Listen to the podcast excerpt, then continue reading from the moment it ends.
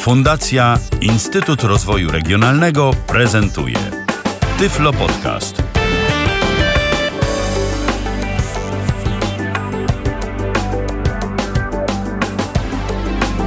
Dwie minuty po godzinie 19 jest piątek, weekendu, początek i pierwsze moje pytanie, tak nietypowo, bo słuchacie Tyflo Radio oczywiście i audycji Tyflo Podcast w Tyflo Radio, Tyflo Podcast na żywo.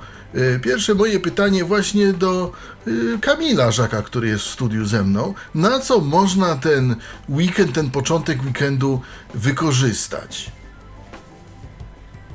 Nie wiesz na co można wykorzystać. Nie wiem, no. Na przykład na posłuchanie tejże audycji. Też, ale można też wykorzystać na to, żeby sobie gdzieś pojechać, a y, często jest tak, że jak gdzieś jedziemy, no to lubimy sobie wziąć internet ze sobą, tak? I coraz częściej, że tak powiem, z tego można korzystać. Ty już troszkę korzystałeś z tych różnych przywilejów techniki, ja też, różnie to u nas bywa, ale Tak. No właśnie, ale dzisiaj właśnie w audycji będziemy mówić o internecie mobilnym, a ściślej mówiąc o LTE, czyli o rozwiązaniu Long Term Evolution. Yy, Będziemy omawiać trzy urządzenia, ale o tym za chwilę, w tej chwili podam do nas namiary. Skype, który za chwilę będzie, to tyflopodcast.net.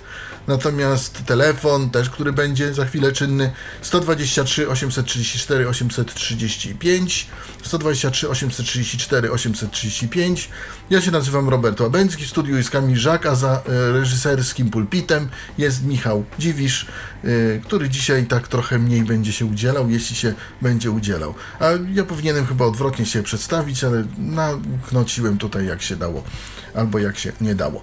Y, Dzisiaj będziemy właśnie omawiać urządzenia LTE. Omówimy mm, pokrótce mm, trzy urządzenia, y, dlatego że te trzy urządzenia są w tej chwili chyba najbardziej popularne w Polsce.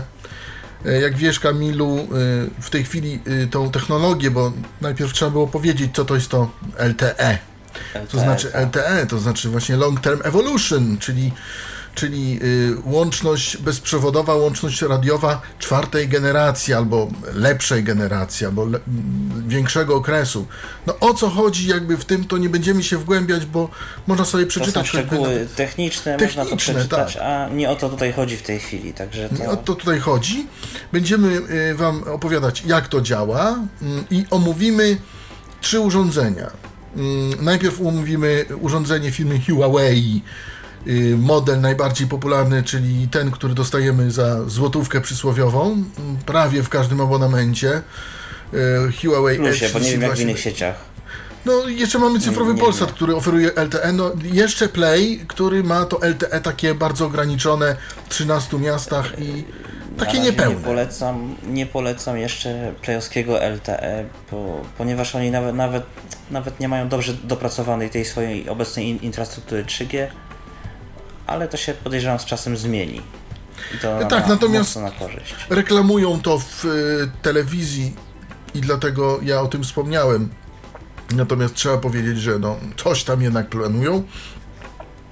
Natomiast w cyfrowym y, Polsacie i w Plusie, to przepraszam za nazwy reklamowych sieci, ale niestety tak wyszło, y, jest y, to mm, jest ten modem za złotówkę i od niego byśmy zaczęli.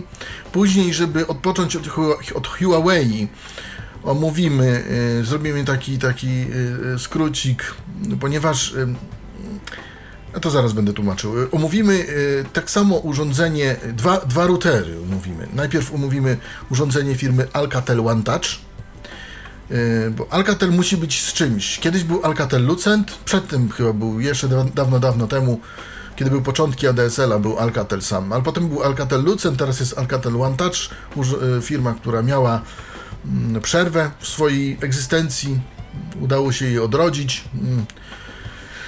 Firma z Hiszpanii y, i niby powraca w wielkim stylu. Czy faktycznie powraca w wielkim stylu, y, się okaże. No i na zakończenie Huawei, mm, router Huawei jest router- E5776, On urządzenie... jest E? y, Czy on ma tylko E- E- 5776? Nie, Hu- Huawei E E5776, E5776. S32 zresztą. Urządzenie, które ma S32. e, dużą. e, to, to, to jest akurat S32. mm. bo się dowiedziałem w ostatnim rzucie na taśmę. E, mm, ja potem wyjaśnię, czym się różni S32 od, od nie S32, które cenę rynkową ma jeszcze, wyższ, jeszcze wyższą niż miało kiedyś. Kiedyś można było ten router taniej kupić i, i tak. Tak, teraz Więc ceny na Allegro są tak przerażające, czy tam w innych portalach, bo w sklepach to nawet nie widziałem, tak, żeby kupić sobie indywidualnie.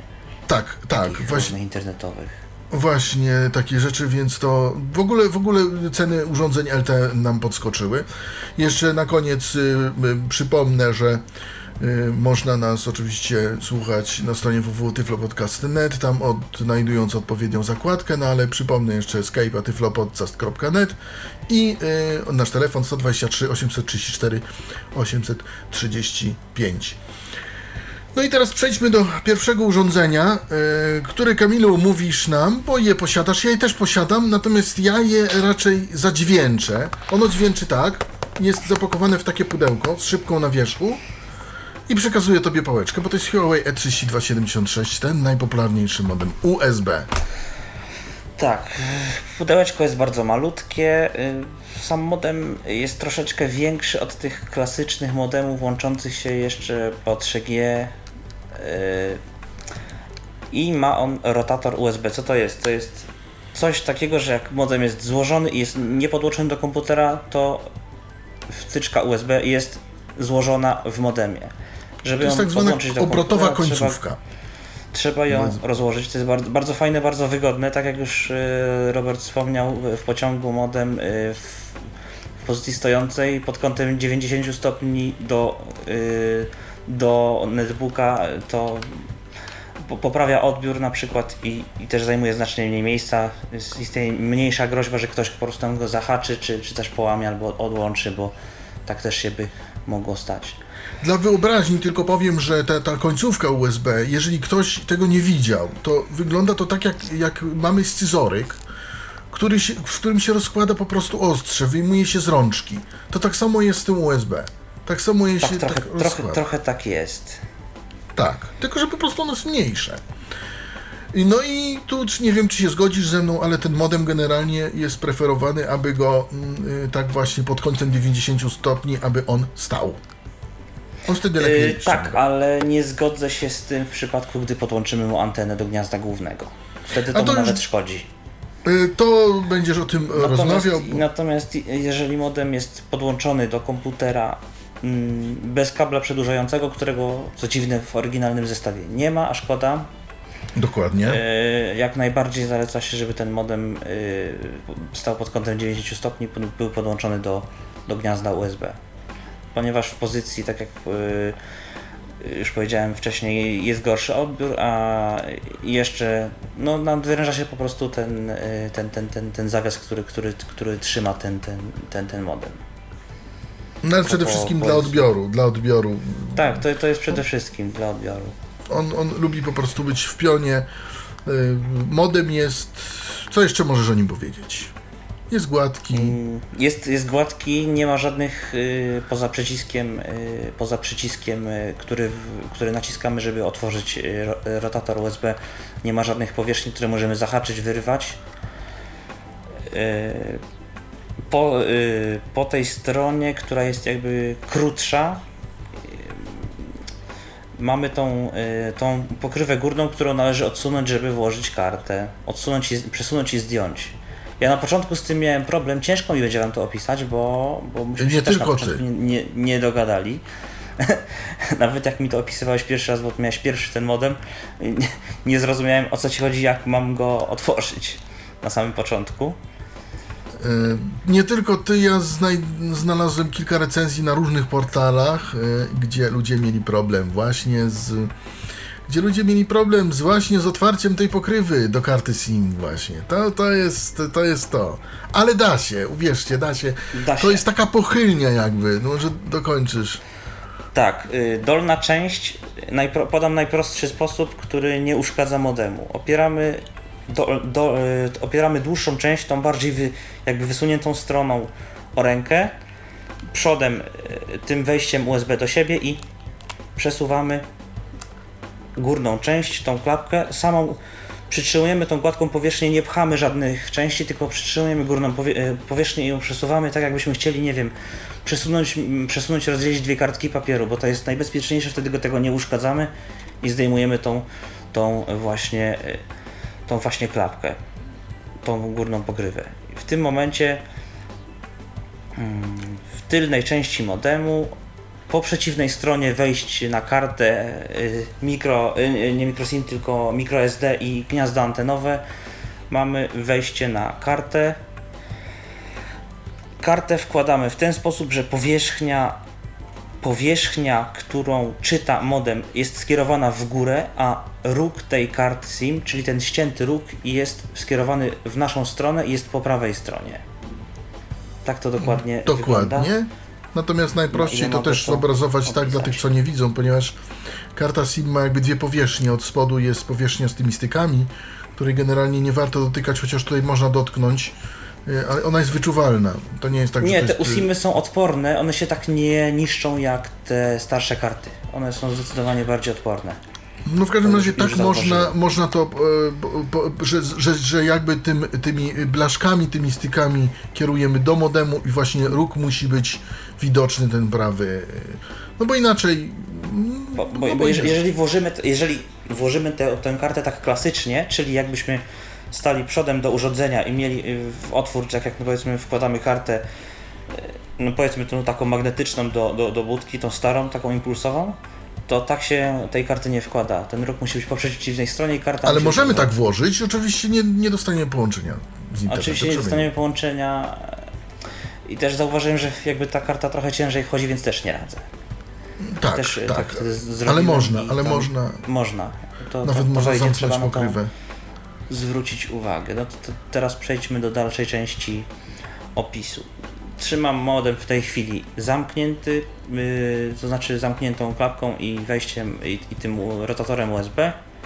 Na prawej ściance mamy dwa takie, takie dwie otwierane klapki, jedną malutką, Na gumkach drugą wi- większą na środku, takie klapki na gumkach, tak. W ogóle Huawei ma coś takiego, że daje wszystko na gumkach.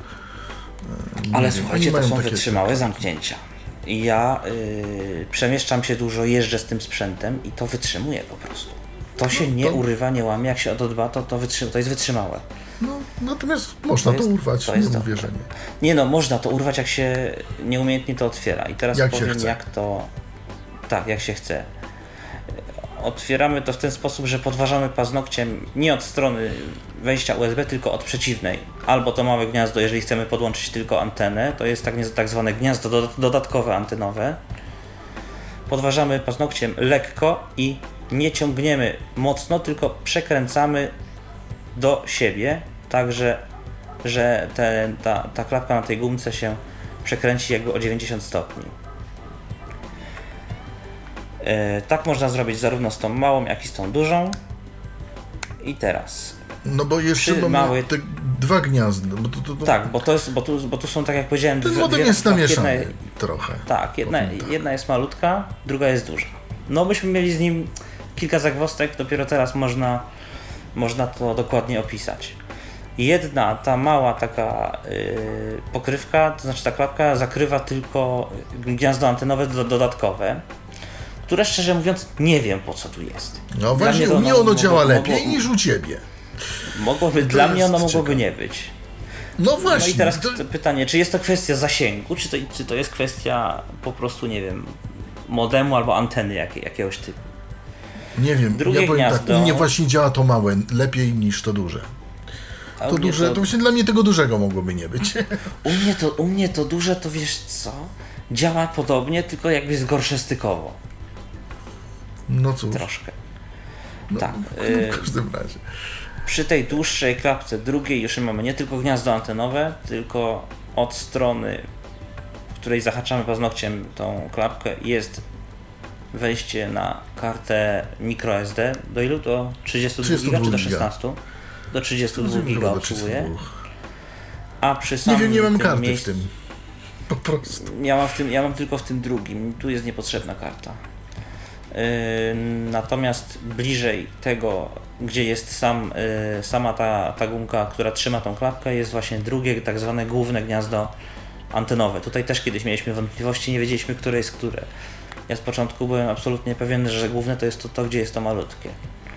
Dopiero później gdzieś przeczytałeś, że, że właśnie, że to jest jednak dodatkowe. W instrukcji generycznej do Huawei, którą dostałem od e, z biura obsługi jednego, jednej z sieci, się, potem jak się okazało, jakoś tak bardziej po znajomości, znaczy to nawet jakoś tak dziwnie dostałem, ale tak. dostałem instrukcji generycznej.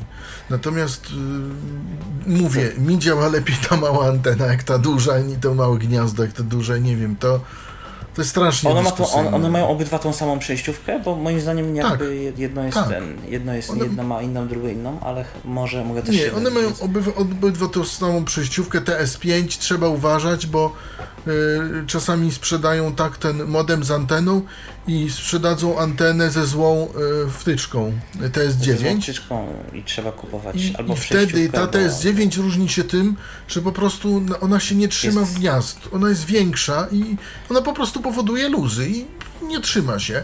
Chociaż z moich doświadczeń i z twoich chyba też, mhm. E, ja mogę powiedzieć, że ten konektor e, TS9, ten... Ten szerszy, jest, szerszy i krótszy. Szerszy i krótszy, tak? zdecydowanie lepszy. Tak, zdecydowanie lepszy. On y, jakby mam wrażenie, że pewniej się trzyma. Tak. Nie trzeba jakby tak dociskać mocno do tego modemu, jak ten, jak ten mniejszy, ten, ten TS5. E, no i taki, jeżeli już jest dobry zasięg, to jest on lepszy z anteną. Antena znacznie y, lepiej działa. Oczywiście, ale do, będziemy, będziemy o tym mówić. Tutaj zrobiono TS5. Fakt faktem, że sam Huawei bez anteny zewnętrznej, ten modem akurat, jest dobry. Jest niezły. Jest. No, idealny to może nie jest, no ale też cenowo jest odpowiedni. W porównaniu tak... z modelami, które były, jest lepszy, to jest prawda. Tak. Bo masz dwa modele. Jest znaczny postęp. Tak. Tak.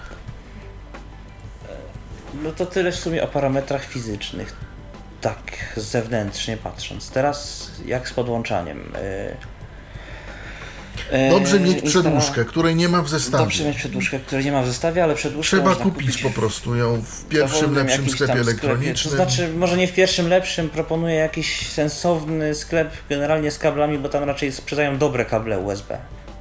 Ja bym nie ja kupował. No, no, no, może w Media Expercie czy Media Markcie bym jeszcze kupił droższy kabel ale w jakiś tam speckable, czy jakieś analogis, czy inne w innych miastach nie, bo ja takie sklepy akurat w Poznaniu znalazłem dwa. To tak tam można kupić właśnie takie dosyć dobre, te solidne te przedłużki, kable i tak dalej. No to jest hmm. koszt około 20 zł. Tak. Bo nie kupujemy Przedłużka krótkie nie, nie, przedłużki. Nie, dłuższa, nie dłuższa niż yy, powiedzmy no max 55 cm. Jeżeli będzie dłuższa, to po prostu tracicie na jakości połączenia z tym modemem, bo do pewnego momentu, do pewnej długości ona działa wzmacniająco dla sygnału, ale powyżej jakiejś tam długości dla takiego urządzenia może się pojawić jakiś tam spadek wydajności, zwłaszcza przy słabszych, starszych komputerach, typu znaczy, gdzie są jeszcze wejścia. 1,5 metra jest ok. Nie, dla nie mnie to według mnie za długo trochę.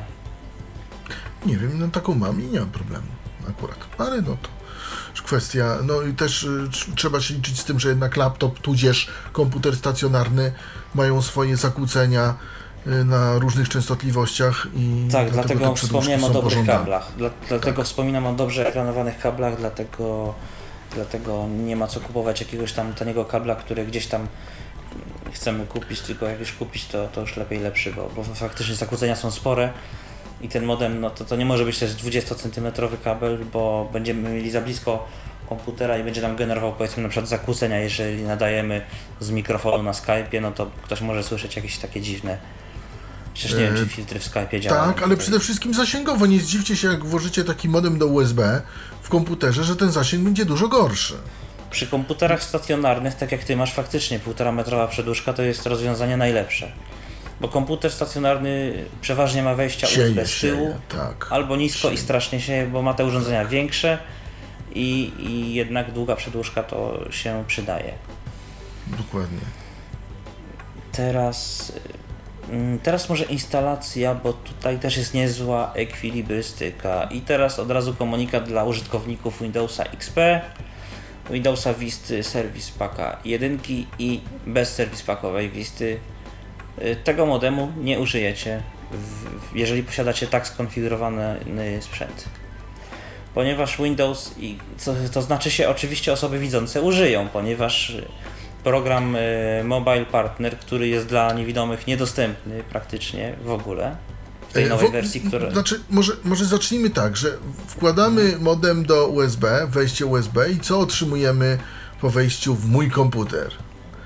Yy, Bo albo nam się, w zależności od tego, czy mamy włączone autoodtwarzanie, czy nie, Czy nie, nam się się albo zacznie instalować mobile partner, mobile partner, albo możemy Tak. zobaczyć dwa dyski, jakby dwa miejsca w Explorerze. Jedno Dwa się nazywa dyski, mobile tak. partner, a drugie to jest takie miejsce, Jeden jest, mm, jeden jest Mobile Partner i to jest y, napęd wirtualny generowany przez ten modem, a drugi jest po prostu dyskiem, który normalnie jest tym slotem na kartę pamięci w tymże modemie. Tak, jeżeli będzie włożona karta pamięci, to tam będzie e, normalnie e, zawartość karty pamięci pokazana w tym drugim miejscu. Tak. To jest tak jakby czytnik kart w pewnym sensie, tak? MicroSD. Teraz tak to tak. można nazwać. I teraz w Windows, w Windows Vista chyba Service Pack 2 już powinno to działać. Nie wiem jak to jest dokładnie. Nie, nie miałem możliwości testować, ale tak przypuszczam, bo to jest tak naprawdę bardzo podobne do siódemki zestawienie. Windows Vista Service Pack 2 i wyżej powinno to działać w ten sposób, że ten mobile partner trzeba, trzeba go po prostu zainstalować, żebyśmy mogli sobie wyodrębnić sterowniki z tego programu. Dokładnie, do modemu. I teraz, i, teraz ty mi może powiesz, bo ja już tego nie pamiętam, z jakiego folderu to było wyciągane. E, w zależności od tego, czy mamy system e, 32, ale nie, no generalnie dobra, C Program Files albo C Program Files e, x86. Tam się to 86. instaluje. I drivers. Tam się to jest- instaluje i- i folder, jest dr- drivers. y, fo- folder dra, driver się nazywa folder. Ten cały folder należy skopiować W inne miejsce sobie znane. w inne miejsce, tak. Jakieś bezpieczne miejsce najlepiej i tam, gdzie trzymamy sterowniki do różnych urządzeń, jakoś sobie to oznaczyć, że to jest do modemu i, i wtedy będzie wiadomo o co chodzi, bo przy następnej instalacji czy tam Tylko po skopiować, formacie nie przesunąć, Tak, nie skopiować. przenieść, Nie, skopiować. nie przenosić, skop, koniecznie Dlatego, skopiować. że potem usuniemy mobile partnera z komputera i on usunie nam te sterowniki i będziemy musieli skorzystać sobie z kopii. Dlatego nie Tak. prze... bo, bo w momencie, gdy je przeni- przeniesiemy, to on będzie szukał folderu, którego nie znajdzie, zrobi się błąd, którego nie wyinstaluje znajdzie się. i będzie błąd ins- deinstalacji. Ty- Folder, który kopiujemy jest tak naprawdę folderem, który instaluje tylko i wyłącznie sterowniki do tego modemu. W nim są pliki sterowników i pliki insta- y, instalujące. E, I teraz e, po odinstalowaniu e, Mobile Partnera trzeba zrestartować komputer. E, Oczywiście przed restartem, po deinstalacji trzeba odłączyć modem, zrestartować e, komputer zalogować się ponownie do systemu, odczekać chwilkę i pod, przy- odnaleźć plik e, setup.exe, tak? E, nie, driver... e, Czy driver e, Install. Dra, driver install. Driver install. No zaraz zobaczymy, ja tu mam to. Ja, ja tego nie mam pod ręką w tej chwili. Ja tu mam zaraz. Mm, Trzeba odnaleźć plik, który, to, który będzie instalował te sterowniki, tylko najpierw y, trzeba podłączyć modem i odczekać około na wolniejszych komputerach do 15-16 sekund, 17, tak do 20 maksymalnie, powiedzmy tak jak na moim netbooku.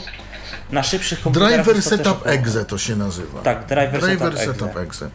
Bo jeszcze jest Czyli driver najpierw- install exe, ale on przynajmniej dla Windowsów 64 nie bardzo działa. Nie wiem, nie wiem Znaczy tam on są jest. w ogóle setup 64 i jest Cztery. normalny setup, ale, ale tego już nie ma co tam szukać, tylko po prostu driver setup i tyle. No właśnie, bo one jakoś nie, nie, nie chcą. Czyli sekwencja wygląda tak. Logujemy się do systemu, odnajdujemy folder z plikiem driver setup exe, podłącza, czy też driver se- setup i będzie typ aplikacja, jeżeli macie ukryte pokazywanie rozszerzeń, bo tak najczęściej jest u wielu użytkowników. Odpalamy ten plik i na wolniejszych sprzętach czekamy do około 20 sekund, na szybszych no tak do 15-14 i dopiero Możemy wtedy podłączamy modem. modem i rozpoczyna się instalacja sterownika. do tego modemu. E, system Windows e, Vista Service Pack 2 i 7, 8 i 8.1 wykryją mm, ten modem, ale nie macie co szukać tego modemu w, właśnie w modemach, tylko w kartach Dokładnie. sieciowych. Dokładnie. To jest I, niespodzianka. I, dla, I dlatego Windows XP, który nie obsługuje natywnie połączeń NDIS, nie, nie jest w stanie obsłużyć tego modemu bez programu typu Mobile Partner, który dla nas jest i tak niedostępny.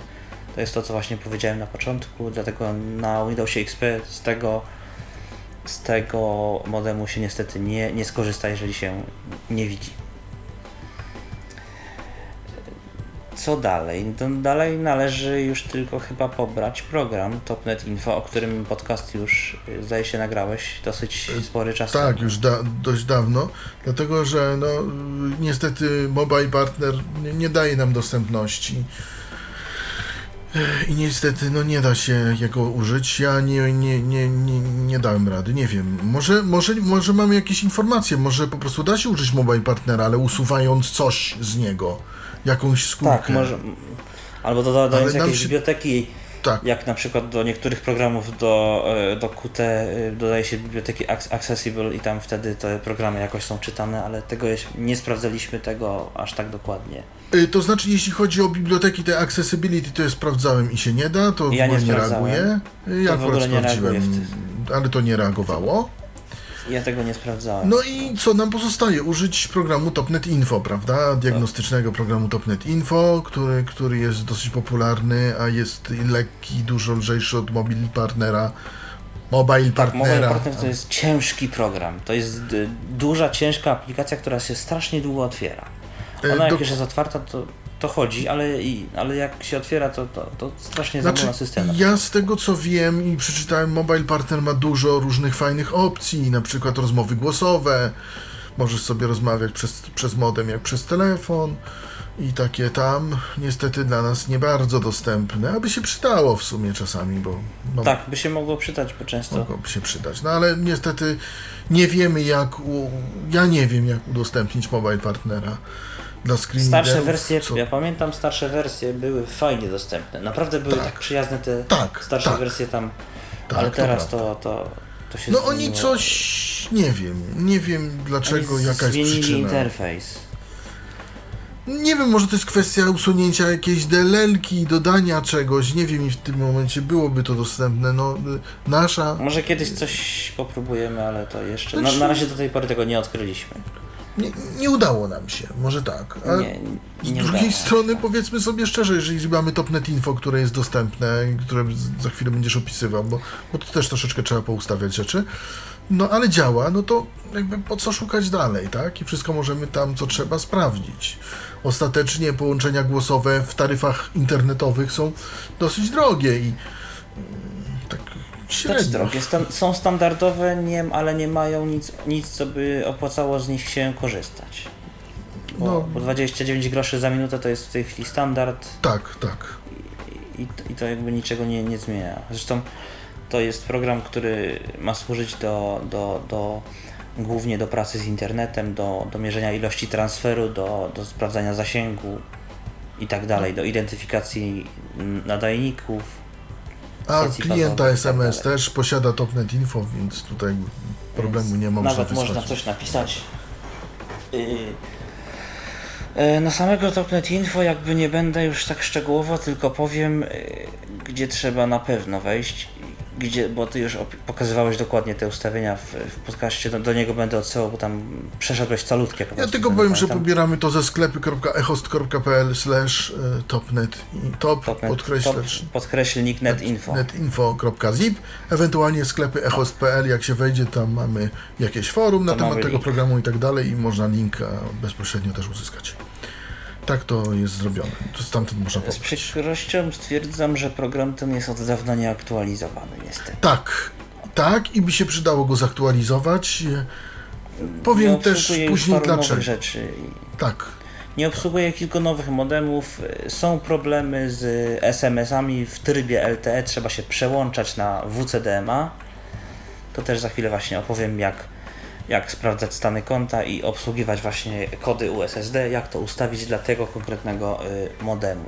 To znaczy, to akurat, to akurat, że trzeba się przełączać, wynika z tego, y, Kamilu, że modem, i to trzeba powiedzieć, modem Huawei E3276, przynajmniej z firmwarem, którym my dysponujemy, nie wiem skąd wziąć Mamy, nowszy, tak.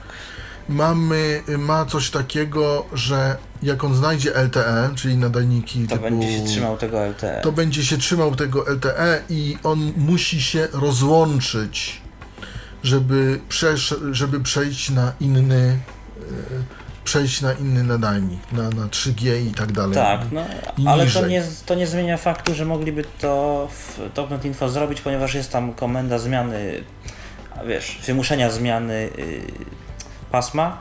Jest, jest przycisk zastosuj i to mógłby to robić sam program, kiedy w momencie, kiedy otwierasz SMS na przykład. Okno SMS-ów albo SSD. tak, Tego niestety nie, nie robi jeszcze. No tak samo mógłby obs- obsługiwać inne urządzenia w trybie NDIS, tak jak obsługuje RAS standard. Tak samo mógłby Tak. obsługiwać NDIS standard. Ja potem powiem dlaczego. I, i, dlaczego? Tak, ponieważ będziemy omawiali Alcatela i, i niestety tam ym, w Alcatelu też, bo, bo, bo te wszystkie modemy LTE, te modemy, routery LTE łączą się po, w trybie NDIS. One się nie łączą w Już trybie RAS. mówię z czego to wynika. Tryb, e, tryb e, RAS standard to jest e, tak zwane połączenie telefoniczne i faktycznie do pewnego czasu spełniało standardy prędkości. E, RAS standard jest dobre, to w nim nie było nawet zbyt wielu błędów, ale mm, dla nowych, szybkich połączeń było po pierwsze za wolne, a po drugie już przestawało być stabilne przy tych prędkościach. No i zrobiono NDIS. no, Znaczy, I zrobiono tak jak NDIS, karty sieciowe. Naj, naj, najprościej. I teraz Najwyraźniej. będziemy omawiać Alcatela, no to niestety tutaj by się przydało coś takiego jak urządzenia typu NDIS, urządzenia NDIS y, standard. Bo to się łączy tak To śmiesznie. teraz cztery takie najważniejsze punkty. Po zainstalowaniu sterowników trzeba ponownie zrestartować komputer. Po... W ogóle, żeby sprawdzić, czy mamy poprawnie zainstalowany ten modem, wystarczy, wystarczy wejść w menadżer urządzeń. Ja tak zawsze sprawdzam w karty sieciowe. menadżer Jeżeli mamy. Huawei Network, tak, adapter? Tak to się nazywa? Huawei Network Adapter. Adapter to znaczy, że modem jest y, zainstalowany, jeżeli działa to urządzenie poprawnie. Po włożeniu oczywiście modemu do USB. Najprościej można właśnie tak sprawdzić, czy, czy modem jest poprawnie zainstalowany. W kartach sieciowych mamy to, to, to znaczy, że będzie To działać. znaczy, że będzie działać, tak. Po otwarciu Topnet Info powinien go wykryć, mm, tylko trzeba przestawić właśnie w połączeniu z y, y, RAS standard na, na NDIS. Niektóre modemy firmy Huawei NDIS, tak, to, tak, tryb Tak, NDIS tak to dla niektórych modemów nazywa. firmy Huawei. Tak, tak w, opcji, w opcji GPRS MMS trzeba. UMT, y, y, UMT jest Nie. GP, UMT, y, nie, jak to się na dokładnie nazywa, to nie pamiętam teraz, czekaj. GPRS UM, y, UMT jest GPRS. Tak, tam trzeba przestawić. e, Jeżeli nie działa modem, jeżeli jest niewykrywany, trzeba przestawić na pewno na Huawei LTE. Tak, Bo albo też tak. W Tak, zależności że, od. że, że będzie po prostu. Heń, Że no to będzie będziesz to mówił. nie. Tak, że, że będzie Ale najpierw zaczynamy od to- Huawei LTE. Tak, od, od tego w ogóle, od tego najlepiej, najlepiej zacząć. Już powiem gdzie to jest. GPRS UMTS, tak masz rację. Tak, tak. GPRS UMT. GPRS. Nie, nie, chyba jeszcze to bardziej przekręciłem, ale GPRS UMTS, to jest taka po zakładka. powiedziałeś, po prostu powiedziałeś odwrotnie. Aha, I tyle. Jest GPRS UMTS. Tak, to Tutaj, jest zakładka. e, tu, tutaj na tej zakładce wy, wy, wybiera się w. e, Właściwie to jest drzewo ustawień. To jest. e, Wybiera się gałąź drzewa GPRS UMTS i tam się idzie tabulatorem i tam są właśnie te wszystkie opcje. No I na początek, jeżeli mieszkacie w jakimś większym mieście, tak powiedzmy, nie wiem, 20 tysięcy plus wzwyż, to najprawdopodobniej w, w jednej sieci będzie LTE, w drugiej być może niedługo będzie. Jeżeli automat, najlepiej po prostu wybrać opcję technologia automat, żeby modem sam Wam dopasował, y, dopasował y, mm, technologię, z jakiej będzie korzystać, no bo nie wszędzie jeszcze w Polsce jest to LTE i może po prostu korzystać z, z 3G. Innych. Tak. Tak, z 3G. Yy, powiem więcej. Poprzedni modem y, Huawei y, S176, który mam, też jest modemem 3G, ale prędkość, prędkość na tym nowym modemie E3276, który omawiamy teraz, nawet w, pas w pasmach 3G, jest znacznie lepsza. Mam, y, dla przykładu, mam moją kartę w Playu, bo testowałem ten internet swego czasu na tamtym poprzednim modemie wyciągałem do, do 230-40 KB, 300 max przy dobrym zasięgu, bo to warunki też mają pogodowy wpływ na to niestety trochę. Na tym nowym y, Huawei E3276 wyciągam do 500-600 kg, także zasięg się praktycznie podwoił. Nawet potroił, można by tak to powiedzieć. Znaczy, pomieszałeś. Y, pomieszałeś. Na, y, na tym Huawei starym miałeś do 600 kg? Gorszy, no nie. Czy do nie. 450? Nie, miałem, 300, miałem max 360. 360. Na starym na 360. Na, na nowym? Do, do, do około 600 dochodzi. Aha, na playu. Ale na, na przykład już Nawet na, na innym, na plusie?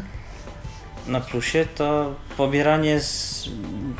Pobieranie tutaj z mojego FTP to tak bez szyfrowanego FTP to tak do 8, 9, 10 MB w nocy na przykład. Na sekundę. No, czyli to jest już duża prędkość. To jest, 90 MB. Powiem wam, to jest kopiowanie na dysk albo pendrive USB 2.0 takiej średniej klasy.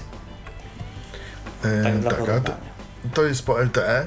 E, natomiast ja jeszcze chciałem, bo tutaj, tutaj możemy napotkać, jak mamy te ustawienia, na coś, co się nazywa komutacja.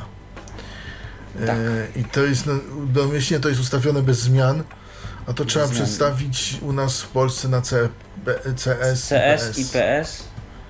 Nieważne, czy, czy używacie LTE, czy używacie 3, 3G. Tak, tak. To e, zawsze CS i PS, bo tak u nas operatorzy to zoptymalizowali, że te dwie działają najlepiej. To znaczy, co się stanie, jak będzie inna komutacja? Albo się nie połączycie, bo ja to po, próbowałem, albo się nie da połączyć i będzie wyskakiwał błąd, albo połączycie się z gorszym zasięgiem i z gorszą prędkością. Z gorszym, tak. Tak. I, tak, i, taki, i, taka, i taki będzie. Teraz może powiedz, bo, bo na to z, w, warto zwrócić uwagę.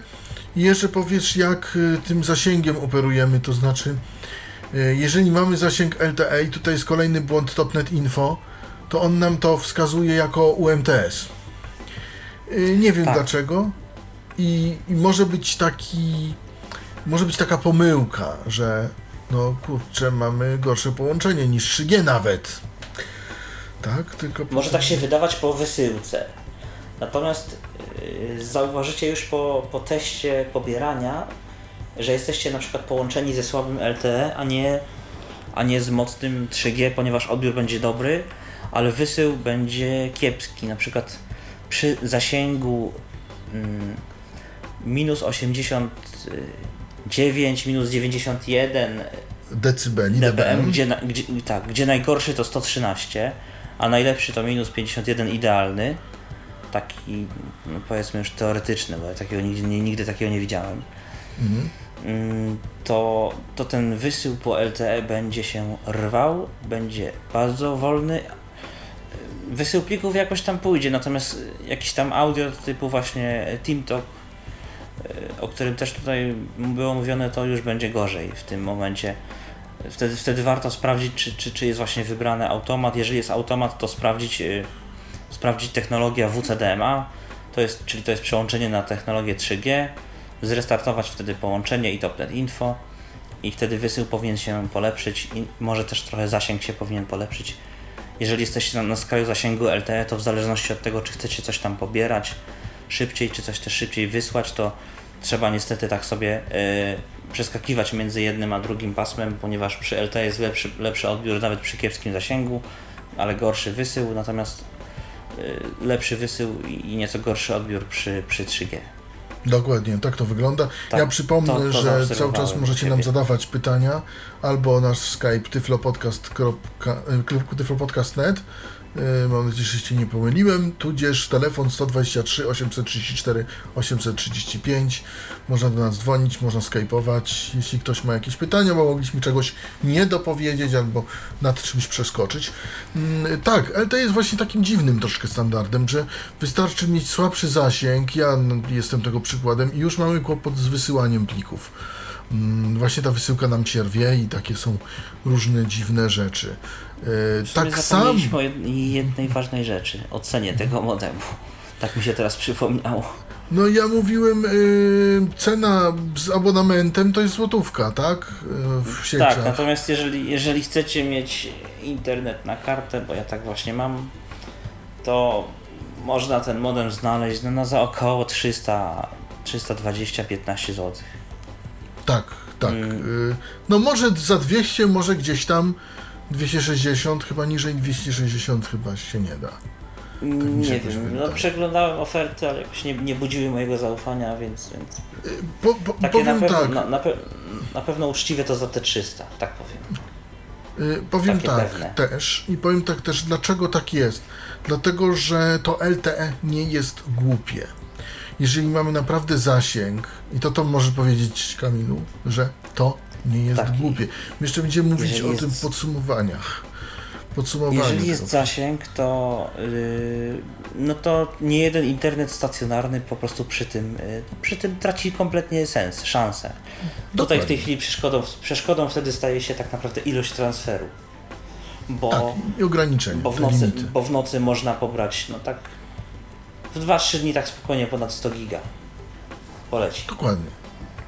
Dokładnie, jak się umiejętnie pewne rzeczy, o których nie będziemy tutaj mówić, bo, bo nie możemy.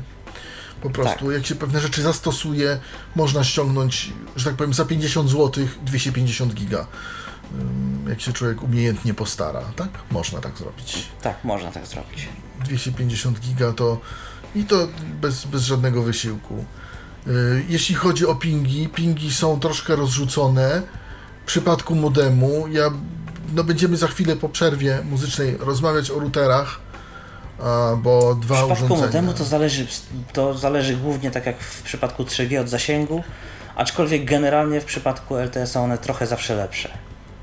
Tak, tak, Troszeczkę, tylko że, troszeczkę lepsze. tylko że ja, ja zauważyłem, że jest po prostu dość duży rozrzut, którego przy routerach nie ma. Nie, nie wiem, y, czy to wynika z. Nie wiem z czego to wynika, ale. A to będę mówił o tym, jak. y, Bo, bo dwa urządzenia omówimy y, za chwilę. Czy jeszcze coś możemy dodać o y, Huawei UE3276? O tym sprzęcie. Lubi się grzać. Co mogę... Lubi się Się grzać, nie, to prawda. się, się nie przestraszcie. przy silnym wykorzystaniu łącza, to ten modem po prostu parzy w rękę momentami, Dokładnie. jak się go chwyci. Tak. I- Aczkolwiek to mu nie szkodzi. Ja Tak, tak. Nie, kiedyś to, tak zrobiłem. To, to, to tak, tak, nie ja wiemy, kiedyś tak, można na tym podgrzać y, w cudzysłowie herbatę. Y, No oczywiście żartuję, ale nie dałem rady wziąć w rękę przy najsilniejszym wykorzystaniu, jaki, jaki mogłem. Ja dałem radę, ale długo, długo, długo tego nie utrzymałem. A ja nie, powiem, że tutaj, gdzie, gdzie, gdzie mieszkam, to jest zasięg właśnie na poziomie Jest gorszy i 89 właśnie to jest chyba kwestia też zasięgu, bo mój aż taki Tak. gorący nie był. Tak, to się zgadza. I mi się udało maksymalnie przy pomocy anteny zewnętrznej, uwaga, uzyskać wysył 3 megabity. 3, 3 megabity to jest, słuchajcie, 320 kilo. 320 bajtów. kilo, kilobajtów. Tak, to nie jest dużo. No, to jest trochę więcej niż w stacjonarnym tym ADSL-owym, ale w porównaniu z tym, co może LTE, a może do 50 e, megabitów, czyli do 5 megabajtów, to Mi się udało, no tak z 4, 4 3, tak 3 to tak spokojnie. 3 megabajty, czyli jakieś 24, 25, 26 megabitów. Aha, no, no, no mi póki co tylko 10, ale to będziemy o tym jeszcze rozmawiać. E, Jak, co, bo mm, będziemy porównywać jeszcze te urządzenia. Mm, Trzy. Y, Co jeszcze ważnego, bo to odkryliśmy całkiem niedawno, y, właściwie większość sieci y, łączy się y, nie dostajemy jakby mm, publiczny adres IP, ale nie jest to, nie jest to zawsze y, faktycznie y, prawdą, ponieważ pewne na przykład specjalistyczne programy, które wykorzystują jakiś tam zakres łącza albo protokół mogą się po prostu nie, nie połączyć z powodu tego, że sieć pewne rzeczy filtruje. Niestety. Też ja bym powiedział, że jesteśmy za pewnego rodzaju natem w przypadku łącz komórkowych. A wystarczy, jak to sprawdzić? Wystarczy prześledzić trasę od jakiegokolwiek serwera do nas. O, w tym celu robimy mm, z wiersza poleceń. Oczywiście do wiersza poleceń dostajemy się przez tam uruchom CMD albo z menu Start, akcesoria bodajże wiersz poleceń, tak? Dobrze mówię? Dobrze chyba? Tak, w Windowsie 8.1 i 8 PowerShell. Aha, PowerShell to się nazywa, dobrze. Nie, Tak, to już jest wtedy PowerShell. to jest PowerShell, więc z PowerShella y, y, wystukujemy coś, co się nazywa tracert, tyry, acy, ery, ty, odstęp i na przykład wp.pl albo tyflonet. tyflopodcast.net, tak, bo to tak powinno być, a nie jakieś tam. Tak. tyflopodcast.net i wtedy sprawdzamy, czy mamy w trasie coś, co się nazywa 10, 10 i coś tam. Jeżeli mamy 10, 10 i coś tam, to znaczy, że jesteśmy za natem. Możecie Za też to sprawdzić w, prost, w prostszy sposób. Aha. Podam prostszy sposób, jeżeli, jeżeli znacie grę audio Top Speed wersja 3, która umożliwia grę właśnie w sieci, spróbujcie stworzyć serwer. Jeżeli stworzycie serwer i to zadziała, to, to znaczy, że, że za na tym akurat nie jesteście w sieci. Jeżeli, jeżeli się serwera nie uda stworzyć, tylko ktoś inny może stworzyć, a wy możecie się podłączyć jako drugi, trzeci, czwarty, enty gracz, to, to właśnie taki przypadek wtedy jest, że też właśnie jesteście za tym, na tym operatora. Ale No jest, jest, to, jest to zrobione głównie, głównie po to, żeby zwiększyć właśnie możliwość przydzielania adresów e, dla poszczególnych użytkowników, no i też nie da się ukryć, że zwiększenia zysków, ilości aktywnych numerów i E, tak dalej. Dokładnie, i, ale też jest to swego rodzaju oszustwo, ponieważ reklamuje się na przykład te łącza LTE jako przyjazne dla graczy. No, no to niekoniecznie, ale to nie jest akurat wina LTE jako LTE, tylko w ogóle y, To jest, kwestia, to jest kwestia polityki operatorów, polityk postępowania operatorów, operatorów. Tak, y, komórkowych. Myślę, że wtedy, kiedy będzie IP6 już tak wejdzie na, na, na, na max, to Tak, problem powinien, co jeszcze pewnie potrwa, ale problem powinien Tak. zniknąć. problem powinien zniknąć, ale jeszcze Na jakiś potrwa, czas. tak. No, myślę, że na dłuższy czas niż na krótszy. No, no zobaczymy. Prawda? Zobaczymy tych, tych y, adresów tam IPv6 to ponoć jest bardzo dużo. Co jeszcze można powiedzieć o tym y, y, Huawei'u? Dwa gniazda anteny zewnętrznej. Nie tak, wiem dwa, po tak co. powiedziałem, dwa, ja też Zamieszanie. nie wiem, Próbowałem podłączać pod jedno i pod drugie naraz, bo myślałem, że będzie lepiej. Mieliśmy, słuchajcie, przygód z tym modemem, co nie miała przez, przez pierwszy miesiąc użytkowania. Dokładnie, bo żeśmy eksperymentowali mnóstwo. Ja próbowałem dwie anteny naraz podłączać. Ja nie miałem, Myślałem, że może będzie lepiej. drugiego konektora nie, miał, nie miałem wtedy jeszcze. E, ja miałem po prostu dwie anteny. Jedną z konektorem i drugą taką z konektorem fabrycznym. Co się okazało, proszę Państwa, że niestety to nic nie dało. To, to, to, to, to było jeszcze gorzej. tak. Więc nie wiem po co tam dwie anteny. No, to ktoś tak Aha, zrobi. że- A propos jeszcze anten. Jeszcze Czego modem anten. strasznie nie lubi. O. E, jeżeli podłączycie raz e, modem do komputera i nie podłączyliście anteny, nie, nie podłączajcie jej w trakcie działania, bo i tak się nic nie zmieni, a może wręcz się Dokładnie. rozłączyć internet. Trzeba Dokładnie. wtedy wyłączyć, e, rozłączyć internet, zamknąć to info, odłączyć modem. Co ciekawe, dopiero wtedy podłączyć antenę, nawet zrestartować nieraz komputer, bo tak musiałem nieraz robić, i dopiero wtedy podłączyć modem i od nowa to wystartować. Wszystko. E, Natomiast ten, ten restart komputera wynika raczej bardziej z obsługi Topnet Info niż z, z tego. Tak, Natomiast to też ten, chyba. prze- to, ten, ten, ten konektor, niby który jest y, mechaniczny, ale on w rzeczywistości jest jakby troszeczkę elektroniczny. To masz rację, tu nie, nie możemy tak zrobić, że, o, że tak rozłączymy i połączymy. Mm, tak. Tak akurat, tak akurat to zrobiono. Tak? W starych modemach tego nie było, tutaj tak jest. Tutaj tak, Tak, jest. Jeszcze kolejna rzecz, anteny. Anteny, które... Dlaczego o tym mówię? więcej, więc... Tak, ale dlaczego o tym mówię? Nie, y, prosta sprawa. Tam, gdzie macie, po, o, gdzie macie odbiór LTE, i używacie anteny zewnętrznej i zobaczycie, że ten odbiór LTE Będzie lepszy. jest lepszy przy antenie zewnętrznej, to nie znaczy, że będziecie mieli odbiór w tych innych pasmach, czyli HSPA plus i tak dalej, niżej, że on będzie lepszy przy tej antenie. Tak. LTE On będzie bardzo się, zbliżony. LTE rządzi się własnymi jakimiś prawami, o których ja nie bardzo mam pojęcie. Szczegółowo można przeczytać sobie na przykład na Wikipedia, y, bo tu wie, więcej o tym jest napisane. Ale jest Tak, tak, tak, że dużo ta antena, która jest, która poprawia odbiór LTE, niekoniecznie poprawi odbiór w innych tych pasmach. Bo ja Ale myślałem, to- że, że będzie wam tak. że właśnie ta starsza antena, yy, ona poprawia odbiór w zasadzie, znaczy ta nowa, nie ta nowa, ta nowa, mi poprawia odbiór w, w każdym zakresie. Przykład A tak tutaj- samo ci poprawia tutaj- w LTE? Tu, yy, to znaczy, w, yy, już powiem, w Poznaniu nie ma to praktycznie znaczenia, to znaczy to ma znaczenie przy yy, odbiorze rzędu będę pobierał bez anteny 3 MB, a z anteną 6 albo 7. Natomiast tutaj, gdzie jest słaby zasięg, ma to takie znaczenie, że przy 3G jestem w stanie wysyłać coś bez anteny, tu gdzie jestem daleko od, y, od bazy LTE, od stacji bazowej. Natomiast y, przy, przy LTE już nie jestem w stanie nic wysyłać bez anteny al- albo bardzo kiepsko. Natomiast z anteną jestem w stanie na obu tych pasmach jakoś tam w miarę pracować, chociaż wolniej niż na bliższym zasięgu. Popra- Poprawiają mi się obie te, obie te, obie te właśnie te wartości. A u Akurat mnie przy tej jest antenie. A u mnie Przy niektórych tak, antenach tak jest, a przy, przy niektórych tak się nie dzieje. Właśnie nie wiem od czego to zależy. a u mnie jest właśnie tak, że, że przy antenie, którą mam, y, antenie A, i- zresztą nie chcę, może marki nie będę, bo, bo, bo nie jestem do końca takiej pewien, ale, ale jeżeli mam LTE, przykładowo mam zasięg 89, no to y, To jest bardzo słaby zasięg, gdybyście pytali.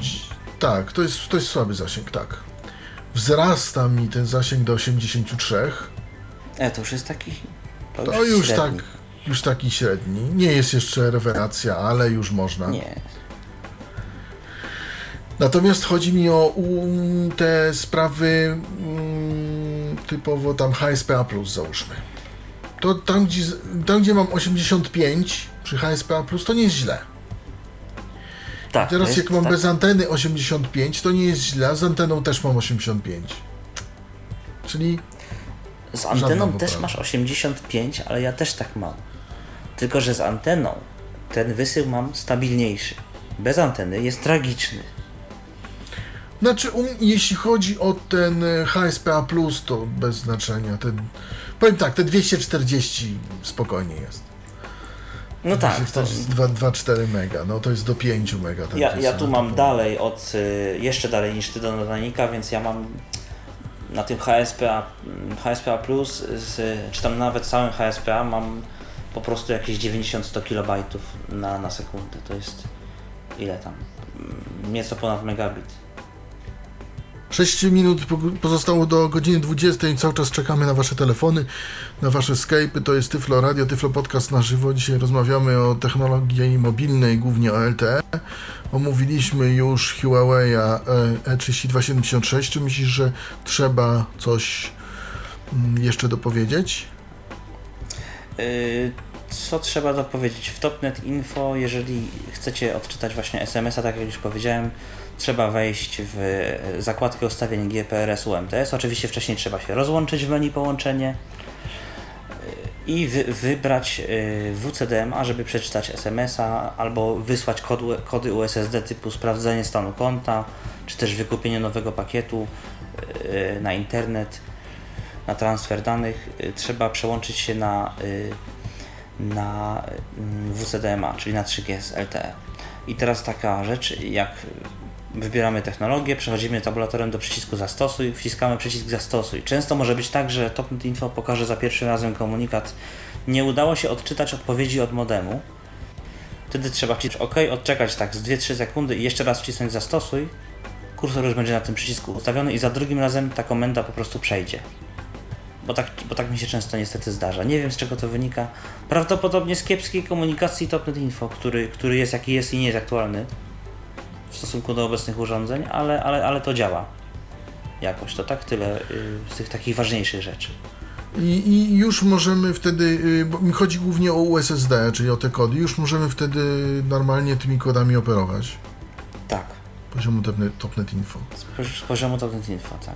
No, natomiast... Aha, ważna rzecz. Y, sposób dekodowania wiadomości jest standardowy, ale trzeba wybrać dla większości y, modemów firmy Huawei, tak samo jak w przypadku typu modemu, tam w, w ustawieniach, y, w ustawieniach y, y, typu modemu, jaki wybieramy, tak. Tak, bo to dis... I rzecz ostatnia, jeżeli macie kartę z kodem PIN, który jest domyślnie włączony, a tak z tego co mówiłeś jest w abonamentach, koniecznie tak. zwróćcie uwagę, żeby wpisać ten PIN przed jakąkolwiek próbą łączenia się, ponieważ kartę sobie możecie zablokować, ja tak raz zrobiłem. Na szczęście miałem kod PUK, ale wtedy z tym jest więcej zabawy, jak to wiadomo. Tak samo jakbyście zablokowali kartę w telefonie, to jest podobny, podobny problem. Dokładnie, a to robimy w, to, to się nazywa komunikacja ATPIN. Komunikacja ATP, Komunikacja tam wpisujemy PIN. Tak. Tam, ale Zaznaczamy pole wyboru, wprowadź PIN przed, przed połączeniem i przed tak. tym polem wyboru wtedy pojawia się to, y, pole decyzyjne, w którym wprowadzamy właśnie ten oryginalny kod PIN z karty, którą dostaliśmy z zestawem z modemem, czy tam, jak tam jaki tam abonament wzięliśmy, bo w przypadku połączeń na kartę, w przypadku kart startowych, które kupujemy, nie ma tego problemu jest napisany PIN na plakietce obok kodu PUK i numeru telefonu, ale on nie jest włączony domyślnie. Dokładnie. Ale to w przypadku właśnie prepaid. W przypadku abonamentów jest PIN jakby już przypisany. Zresztą się nie dziwię, dlatego że no, w przypadku abonamentów można tam troszeczkę na, na, na w przypadku może kart tych prepaidowych, czyli przedpłacanych, możemy tylko zasilić i, za, i, i sobie zapłacić i nic więcej. W przypadku abonamentu możemy sobie trochę nagrzebać. Mm, spowoduje to na przykład, nie wiem, jakąś zmianę taryfy albo nie daj Boże, właśnie najwyższą. Albo, zwiększenie tak zwanego, jak to się nazywa, to Lim, po przekroczeniu limitu. transferu, to co, tak, to, to, co masz. Tak, limitu. O ile, o ile złotych możesz przekroczyć. Tak, to jest tak, takiego. tak. Możemy sobie tu troszkę narajbrować, więc, że tak powiem, dlatego jest prowadzony ten kod PIN i, i też dlatego ja go się nie wyzbywam, tak? Tego kodu PIN, bo ktoś mi ja kiedyś nie lubię żeby PIN. Może to niezbyt bezpieczne, ja ich po prostu zwyczajnie nie lubię. E, nie, no, no okej, okay, no jeżeli masz karty przedpłacone, wszystko jest jakby jasne i bez problemu, natomiast e, sytuacja się zmienia. Nie, no, abonament jak, to, jest, to jest zupełnie inna kwestia, to jest kwestia bezpieczeństwa też, nie? Po prostu. Dokładnie bo możemy się obudzić przysu z przysłowiową ręką w nocniku, że tak powiem. Dzisiaj właśnie w Tyflo Radio rozmawiamy na temat technologii LTE, omówiliśmy. Czy jeszcze coś możemy dodać?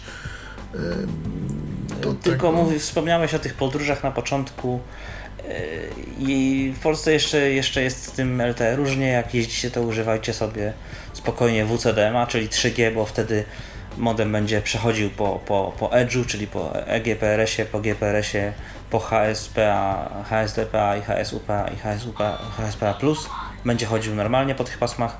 Natomiast LTE, no jeżeli, jeżeli się poruszacie powiedzmy po dużych aglomeracjach typu, nie wiem, Śląsk, albo, albo Łódź, albo Poznań, albo Warszawa, ewentualnie tam Wrocław, y, Kraków, jeszcze dodam do tego Gdański, Szczecin, bo to tyle wiem na pewno, to możecie używać LTE na tych obszarach takich większych, natomiast trasach takich typu, nie wiem, no Warszawa, Poznań, gdzie, gdzie tego LTE jeszcze na, na jeszcze poza miastami powiatowymi po prostu zwyczajnie nie ma, to używajcie sobie po prostu yy, yy, tego WCDMA w Topnet Info, to ustawienie się nazywa, czyli 3G po prostu.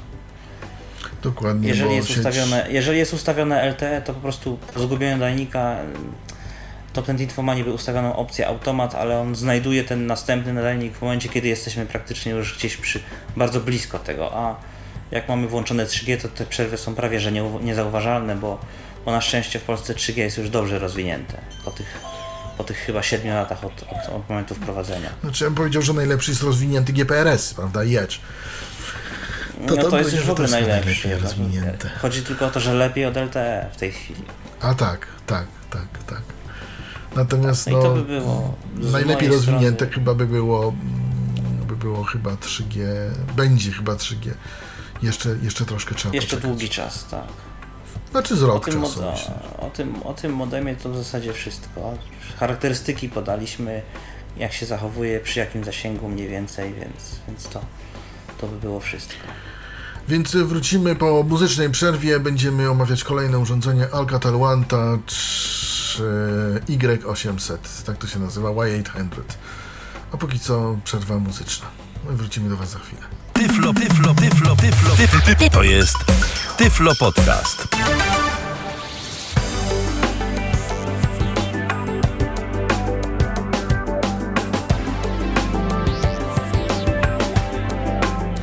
Pół minuty po godzinie 20, 20, nawet nie 21, ale się zagalopowałem. Dzisiaj, dzisiaj rozmawiamy na temat urządzeń LTE.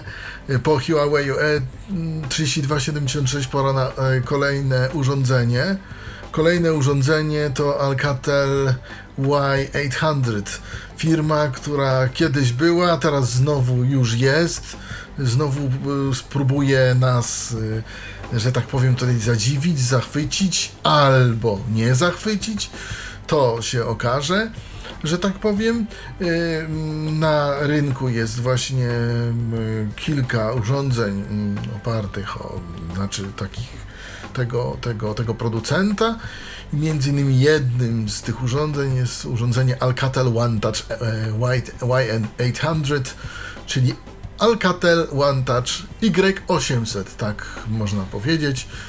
I e, co to, co to, to, to jest po prostu router taki mobilny, jak to można powiedzieć. Urządzenie ma, że tak powiem, w sobie slot na kartę SIM, ma w sobie, e, ma w sobie e, wejście na kartę microSD, Jakiej ma wyjmowaną e, baterię. Jakiej wielkości? Mm, Jakby tak powiedzieć, e, To jest taki telefon Do- komórkowy, taki nie, i teraz pójdę reklamą, ale nie mogę inaczej. No Czy tak. widziałeś duże Principolo takie te XXL? Aha. To jest Tak. coś takiego. O To ja, jest coś takiego, taki większy baton. Tak. Taki większy baton. A no, no, długo szukałem czegoś, bo, bo większe to jest niż komórka, tak? Ale jednocześnie jest to w miarę. No jest to bardziej dłuższe niż szersze. I Nie szersze. tak. generalnie, no jak pójdę wymiarami, tak, no to, to, to będzie mało obrazujące, ale jak pójdę takim wyobrażeniem właśnie na tej zasadzie, to nawet jak ktoś weźmie, zobaczy w sklepie, a to to jest takie duże mniej więcej. Tylko troszkę grubsze, tak jak dwa te wafelki. Mm, To jest takie grubsze i z góry mamy wyświetlacz yy, OLED, yy, potem pod tym mamy ładną obudowę taką czarną, ale gumową, znaczy z takiego plastiku gumowego, ja bym to tak nazwał, Wiem o co że, chodzi. że jak się y, jak się to spuści na ziemię, Takie tak powiem, przytłumione. To jest przytłumione, ale jednocześnie nie spowoduje to e, jakichś wielkich uszkodzeń. Ja powiedział, Dobra. i hałasu, i uszkodzeń. No tak. Dlatego, że to jest takie właśnie gumowe. Śmieszne. I teraz. Dobra, co tam jeszcze? Na górze mamy Mówisz, dwa przyciski. Tak, wyjść i już, już wszystko. Na górze mamy dwa przyciski. Pierwszym przyciskiem, jeżeli urządzenie oczywiście trzymamy wyświetlaczem do góry, do siebie. Pierwszy przycisk na, od lewej strony to jest WPS. E, Ta, to urządzenie jest zabezpieczone ka, tak jak i następne, o którym będziemy mówili, jest za- zabezpieczone mm, Wi- WPA2 Wi-Fi. Protected. No, tak. I teraz tak, łączymy się, jeśli mamy Windows 7 i wyżej. Nie wiem, jak jest z Windows Vista, bo nie mam. Wiem, że i na XP-ku to nie, nie działa, ale na, na, na tym to działa. Że y, wciskamy w, w sieci bezprzewodowej, jak znajdziemy, uwaga, y, urządzenie się przedstawia jako 4G Alcatel One Touch i numerki. To już w zależności od urządzenia te numerki będą inne. Zaczyna się to od ósemki, ale potem tam są jakieś zera albo coś, to w zależności. Ten Tak samo, jak, SSID, y, tak samo jak y, modem E E3, E3276 też w kartach sieciowych się pokaże. tak, tak, ale to na razie ja mówię, jak jest po, pod Wi-Fi. Za chwilę powiem, co, co mamy pod, e, pod, jeśli połączymy po mikro USB. Bo na dole mamy wejście mikro USB oczywiście też. Ym, tak jak i w Huawei, które będziemy też omawiać, 5776 S32. Y, Chodzi o co? Mm, Chodzi o to, że mm, y, mamy ten WPS i jak się łączymy? Łączymy się tak, że naciskamy przycisk połącz w mm, komputerku i w tym samym czasie naciskamy i trzymamy, przytrzymujemy ten klawisz WPS do czasu, aż się komputer nie połączy. Jeżeli mamy starsze systemy, które nie obsługują Wi-Fi Protected Access, Access Setup, bo to się tak nazywa, czyli tego dostępu takiego łączonego, Może w ogóle powiedzmy co to jest. Y, Normalnie zabezpieczenie sieci Wi-Fi polega na tym, że urządzenie, które tę sieć jakby masteruje, prowadzi, ma jakiś przydzielony klucz wymyślony przez użytkownika albo domyślny, który tam producent jakiś tam wprowadzi. Wi-Fi, Protected Setup polega na tym, że w momencie wciśnięcia i przytrzymania tego przycisku jest generowany klucz i wysyłany do tego urządze- urządzenia, które próbuje się z nim połączyć, także e, tak napra- na, naprawdę my dopóki nie sprawdzimy tego hasła w Windowsie, jakie nam się zapisało, nawet go nie musimy znać, to się łączy po prostu automatycznie i już jest zabezpieczone hasłem. Dokładnie, i to ma też ten, tę zaletę, że my, nie, my jesteśmy podłączeni, nie znamy hasła, a jakby nie możemy się połączyć po raz kolejny. Tak. E, nie możemy się po- połączyć po raz kolejny. e, Do, i, I ma to pewne, po prostu nie, ne- ten, ten, ten odbiorca jakby, ten, ten kto się do nas łączy, nie zna naszego hasła tak naprawdę. Czasami to może być bardzo przydatne. Ale mówię, dla starszych systemów jest tak, bo no może się cofnę jeszcze, bo to, to taki cha- chaotyczny jestem, ale w zestawie otrzymujemy pudełko, w którym jest router zapakowany w ramkę tekturową. Pod tym routerem jest drugie pudełko, w którymż to pudełku mamy. Otwierając baterię w, telef- w celofanowej torebce, kabel mikro USB w celofanowej torebce, y, następnie mm, stację dokującą celofanowej torebce i ładowarkę też w kolejnej celofanowej torebce. No i jeszcze przejściówkę z wtyczki, w naszym przypadku, w moim przypadku przejściówkę z wtyczki angielskiej na wtyczkę polską, żeby nie było. Jeszcze tak, jeszcze tak dodali, bo tak, bo, yy, no bo tak, tak, tak, tak to już wyszło, tak to kupiłem, tak to jest. I teraz te wszystkie dane, czyli klucz, numer seryjny, routera i tak dalej, i tak dalej, e-mail, to, te, te wszystkie inne takie, są umieszczone pod baterią.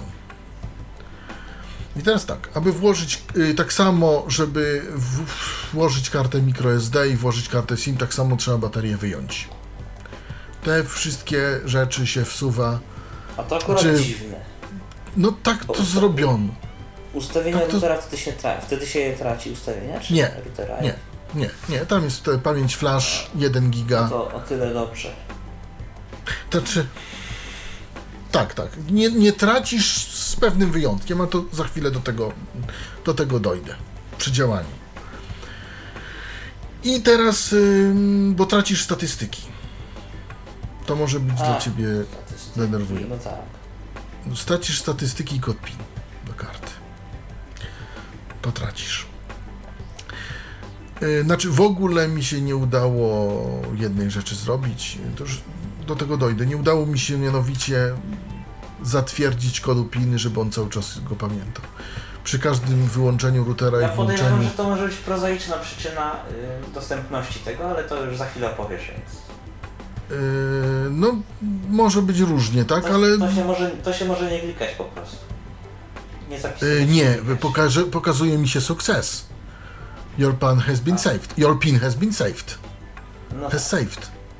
Bo inaczej tam są dwa pola wyboru i przycisk czyli, apply. może, czyli może jest wiem. jakiś błąd. No dobrze, ale idź Może być błąd, ale już, już, już mówię, wróćmy do, wróćmy do sedna. Mm, Router ma y, wbudowane, mm, znaczy wbudowaną antenę, nie ma gniazda na antenę zewnętrzną, ma podłączenie do mm, micro SD, mikro, kar- do, do, do mikro USB. Do kart, wejście do kart microSD. MicroSD jest dziwne, dlatego że ono jest pod blaszką. I nie wiem, czy kiedyś pamiętacie te stare sloty na karty SIM, które były pod blaszką. E, trzeba było tą blaszkę przesunąć do siebie, podnieść. Wkładało się kartę ja SIM. ja, Do dziś mam to w obu moich Nokiach. To wyobraź sobie, że bardzo podobnie się wkłada kartę microSD do tego Alcatela. Tak właśnie się to wkłada. To jest śmieszne, ja się z tym pierwszy raz spotkałem, ale, ale tak jest. Y, Modem tak, zawsze obsłu- widziałem takie znaczy- czytniki sprę, sprężynujące, które, w, które trzeba było wcisnąć karty. Nigdy nie widziałem właśnie poza kartą. Tak, i właśnie dlatego też pierwszy raz zobaczyłem właśnie coś takiego. Otwieramy. I- Tak. To jest właśnie taki otwierany. I mogę powiedzieć, y, że w przypadku mm, tego routera, czyli Alcatela Y800, akurat tej wersji, którą ja posiadam, kupionej na wolnym rynku, żeby nie było, jest tak, że ta karta microSD jest tylko czytnik. Ten, ten, to, to jest praktycznie tylko czytnik. To nic, nic więcej bo tych plików nie możemy nigdzie udostępnić, poza nic z nimi, że tak powiem, zrobić. Jak mamy, e, jak, jak, jak mamy po prostu e, połączony router, no to wtedy, że tak powiem, i to tylko przez e, kabel USB. Jak mamy przez Wi-Fi, to po prostu tego nie widać w ogóle tej karty. Że tam jest w ogóle ta karta włożona. Także no, to jest taki w pewnym sensie gadżet. Natomiast no, może się przydać, tak? W momencie, gdy chcemy coś tam zapisać, gdzieś coś. Natomiast powiedzieć sobie szczerze, to jest tylko czytnik. To jest tak jak w przypadku modemu, tego E3276. To jest tylko czytnik kart. Ale też widać go jako dysk, jako dysk w komputerze. Tak, tak, tak, tak, tak. Tak. Natomiast jak się połączysz po Wi-Fi, to nic z tym nie zrobisz. Nie, nie, zobaczysz, tak. Nie, nie zrobisz tego. No i teraz, y, że tak powiem, działanie, y, samo y, działanie y, routera. Otóż y, dostajemy, wiadomo, adres 192.168.1.1 y, i to nie jest tak, jak y, myślicie, że nie jesteśmy połączeni. Jesteśmy połączeni, tylko z takim tak zwanym trybem offline. Mm, W przypadku jednego, jak i drugiego urządzenia włączamy router po przyciśnięciu przycisku power i przytrzymaniu go przez jakieś 4 sekundy.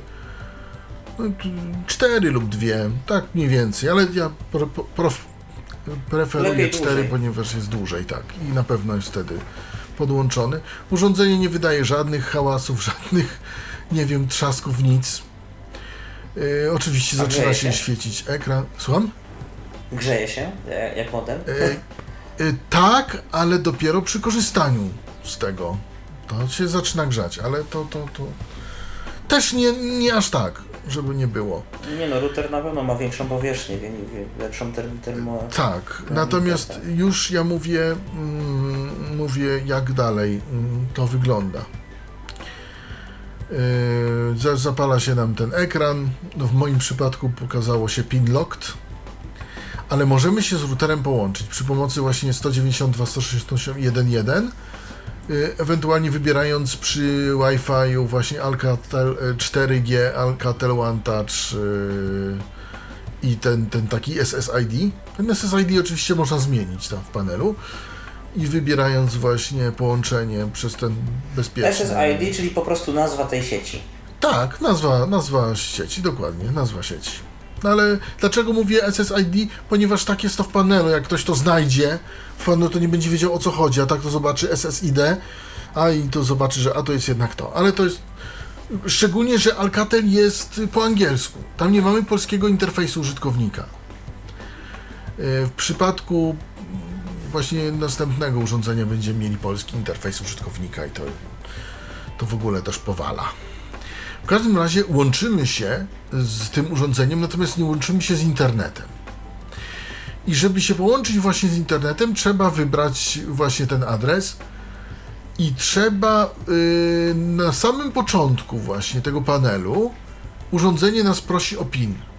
Yy, jest taki, taki alert PIN required, PIN wymagany. Wprowadza się PIN, jeszcze jest napisane, że masz trzy próby wprowadzenia tego PINu, you have three attempts. No ja wprowadzam, oczywiście jest sukces i jest połączenie. I co jest ciekawe, że nie mamy dostępu do routera, a jesteśmy połączeni z internetem. Bo w momencie, gdy chcemy cokolwiek zmienić, czyli wejść w settings, w statistics, czyli ustawienia, statystyki,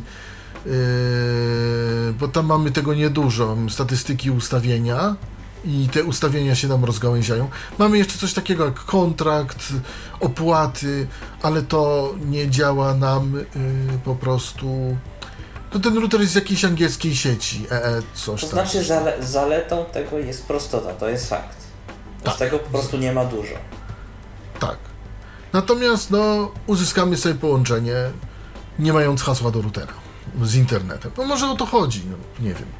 W każdym razie, po w, na przykład wrzuceniu statystyk albo ustawień, pojawi nam się panel, w którym musimy wpisać użytkownika i hasło. No myślnie jest to admin admin. Nie zmieniałem, no i tam dopiero mamy różne ciekawe ustawienia. Mamy na przykład ustawienia PIN Management, czyli organizacja kodu PIN, tak nazwę. I tam możemy zmienić kod PIN, możemy go wyłączyć, możemy zapamiętać stary. Przy czym w moim akurat egzemplarzu, w tym, który posiadam, on nie chce zapamiętać tego kodu i tyle. Dlaczego nie wiem. Wyświetla, że zapamiętał, wszystko jest ok. Tutaj ja to restartuję, a on jak w kółko Macieju, tak tego kodu nie pamięta. I A już. nie ma jakiegoś innego, może jest jeszcze jakieś inne zależne ustawienie, może trzeba tego też potem poszukać. To. E, Zależne ustawienie jest takie, że jak się połączysz z internetem, to już w ogóle nic nie możesz w, zrobić w PIN mana- management, czyli w tym, w tym, w tej organizacji kodu PIN na przykład. Aha. To to jest e, numer. Jest, e, us, są ustawienia dla e, Wi-Fi. I tak, są ust, oddzielne ustawienia są dla tak zwanego tego e, te, tej ochrony wejścia, czyli Protected Access, access Setup. Tam można sobie ustalić, czy ma reagować na przycisk, czy nie. Bo tu właśnie jest tak zrobione, że ponieważ bateria jest wyjmowalna w tym mm, Alcatelu, no to jest ten, ten główny jakby główny ten klucz jest e, pod etykietą i tak samo pod baterią, znaczy koło baterii jest e, naciskany szpilką albo innym ostrym narzędziem przycisk reset, który całkowicie resetuje router do ustawień fabrycznych. To też jest Czyli teraz do Ciebie mam takie pytanie, czyli to jest tak, że powiedzmy mm, router jest do niczego nie podłączony, tylko można go po prostu włączyć i połączyć komputer przez Wi-Fi bez żadnego USB, tak? Można tak zrobić. tak, oczywiście. Tak. Oczywiście. Tylko musisz znać e, PIN. Jeżeli, jeżeli, jeszcze masz wyłączony PIN w karcie, to już bez żadnego problemu. Aha. Łączysz z Czyli internetem. on się, on się jakby od razu połączy wtedy, czy muszę po prostu mu wybrać connect jakieś? E, nie, jeżeli jest bez kodu PIN, to się od razu połączy. Chyba, że jest w panelu ustawione, bo jest, jest, jeszcze są ustawione ustawienia routera i tam jest tak zwany connection i masz albo na auto, albo na ręczny, czyli manual. Aha. I jak masz ustawiony na manual, to wtedy on się nie połączy i musisz go wtedy połączyć. Ale bez problemu go I muszę połączyć. wejść w jego panel, żeby go połączyć. Muszę wejść w panel tego routera przez Wi-Fi. Tak. Przez tą nazwę sieci. Tak, bo to chodzi, że łączysz z internetem, a nie łączysz z routerem. Router zawsze włączysz. No, Je- jedynym sposobem na wyłączenie routera jest po prostu wyjęcie baterii i schowanie jej w bezpiecznym miejscu, nie wiem, gdziekolwiek, żeby nie było dostępu do baterii, tak? I tyle. To, to, jedy, to jedyne jest y, możliwość zablokowania tego, we, według mnie. Innej możliwości nie znalazłem. No i y, jeśli chodzi o Wi-Fi, aha, urządzenie może podłączyć do siebie 10 urządzeń Wi-Fi 10 maksymalnie. urządzeń Wi-Fi. Tak. Bo to nie jest router. y, to jest ważne, to nie jest router, słuchajcie, do którego można podłączyć wejścia LAN. To nie jest. To jest On nie ma LAN. bezprzewodowy. To jest On nie ma LAN. router Wi-Fi. Tak. Tak. To jest, to jest taki access point przenośny. To jest na przykład fajne, jeżeli macie komputerki, jedziecie ze sobą paczką na przykład, bo za chwilę będzie troszkę o podróżach, o różnicach takich małych. Jedziecie ze sobą paczką w pociągu i teraz ja siedzę sobie przy oknie, y, wstawiam y, Al- Alcatela na mm, stacji dokującej i Na stoliczku go ładnie. włączam na stoliczku. Wy siedzicie z netbookami, z laptopami koło mnie, w przedziale. To będzie, i to, I to będzie bez problemu działało. I to będzie bez problemu działało dla każdego z Was, będzie po adresie. 10 takich osób, spokojnie. Zasięg, no sprawdzałem to, to bez problemu, no sprawdzałem w, w, w okolicach u, u siebie, tak jak to spokojnie obejmował spokojnie obejmował te, te, te cały, cały ten, całą górę i, i, i pół domu. Tyle sprawdziłem, tak, no. Ja bym powiedział, że spokojnie ten zasięg jest około 150 metrów, Tak. ale A nawet, e, tak, nawet jeżeli macie powiedzmy jeden komputer stacjonarny w domu i, i tam nie wiem 3-4 laptopy, bo rodzina ma, bo ktoś ma w pracy, potrzebuje, to ten e, router stacjonar, e, pod komputerem stacjonarnym jest jako karta sieciowa na USB, podobnie jak modem, a reszta Tak. oczywiście może się z nim też połączyć dokładnie. Ale to po, po już sieci bezprzewodowej. po sieci bezprzewodowej, tak, tak, tak. W przypadku Alcatela tak. Ponieważ Alcatel ma zawsze włączone Wi-Fi. Yy, natomiast yy, o co, yy, jakby, co chciałem powiedzieć, jak ten router zgłasza się, jeśli podłączymy to po mikro USB, po kablu. On się zgłasza, tak samo mamy dwa dyski, jak w przypadku modemu, tylko że program, któryś, który powinniśmy zainstalować, nazywa się Web Connection. Instalujemy to Web Connection, to Web Connection robi nam kolejną właśnie tą kartę sieciową. Yy, tak samo można wyeksportować katalog drivers z mm, jakby, tak jak w przypadku Już, już, już zainstalowanego programu tego Tak. Connection, tak, z programu. Tylko, uwaga, nie udało mi się. Mówię, nie udało mi się, a próbowałem na wszelkie sposoby. Nie udało mi się połączyć modemu. Przy, przy pomocy tego, tych driverów tak instalowanych. A jakie instalować? To znaczy, wskazywałeś mu pliki? Ju- Już mu nie, wskazywałem mu, bo tam jest, y, wskazywałem mu pliki. Install 32 exe, install 64 exe, install exe. Trzy. Tam są tylko trzy pliki? Nie, tam jest więcej. No to tam były różnych- pliki IN, INF. Jakby Tak, ktoś tak, podłączył tak. router, to mógłbyś, mógłbyś wskazać mu z menedżera urządzeń z aktualizacji sterowników. Może to by zadziałało. Może, ale nie bardzo chcę ryzykować, bo kiedyś się tak bawiłem z Huawei'em i naprawdę sobie nieźle na, na, narobiłem w sieci. Poza tym myślałem na tej zasadzie, że tak samo jak przy Huawei'u, któryś z tych instali będzie działał mi dobrze, Niestety tak? się Się, nie udało. No ale Web Connection, umówmy się, Web Connection nam, nam robi skrót internetowy do routera bezpośrednio, czyli że łączymy się bezpośrednio do routera, jakby nie wpisując 192.168.1.1. No i, no i robi nam to połączenie. Nie zauważyłem, żeby Ale robił coś więcej. On jest konieczny, czy router zainstaluje się bez tego? Nie zainstaluje się przecież. Bez tego nie. No właśnie. Myślałem, tak, że za pomocą samych tych driverów. Tak. tych driverów wyeksportowanych. To, jest, to, to wygląda mniej więcej tak, jakbyśmy mieli mobile partnera, y, dzięki któremu się instaluje Huawei, tak? A nie moglibyśmy bez niego, y, bez tego mobile partnera samych sterowników. samych sterowników. zrobić, tak. Ja próbowałem zainstalować same sterowniki do Alcatela, nie udało mi się. Może coś źle robię, mi się nie udało. Czekamy na Wasze porady, może coś powinienem jeszcze zrobić. Nie bardzo chcę robić infów, ponieważ mogłem, mogłem, y, mogę coś narobić. Kiedyś mówię, jak w przypadku jeszcze chciałem sobie tam poulepszać pewne rzeczy w przypadku Huawei'a właśnie to robiłem z infami i skończyło się to nie najlepiej.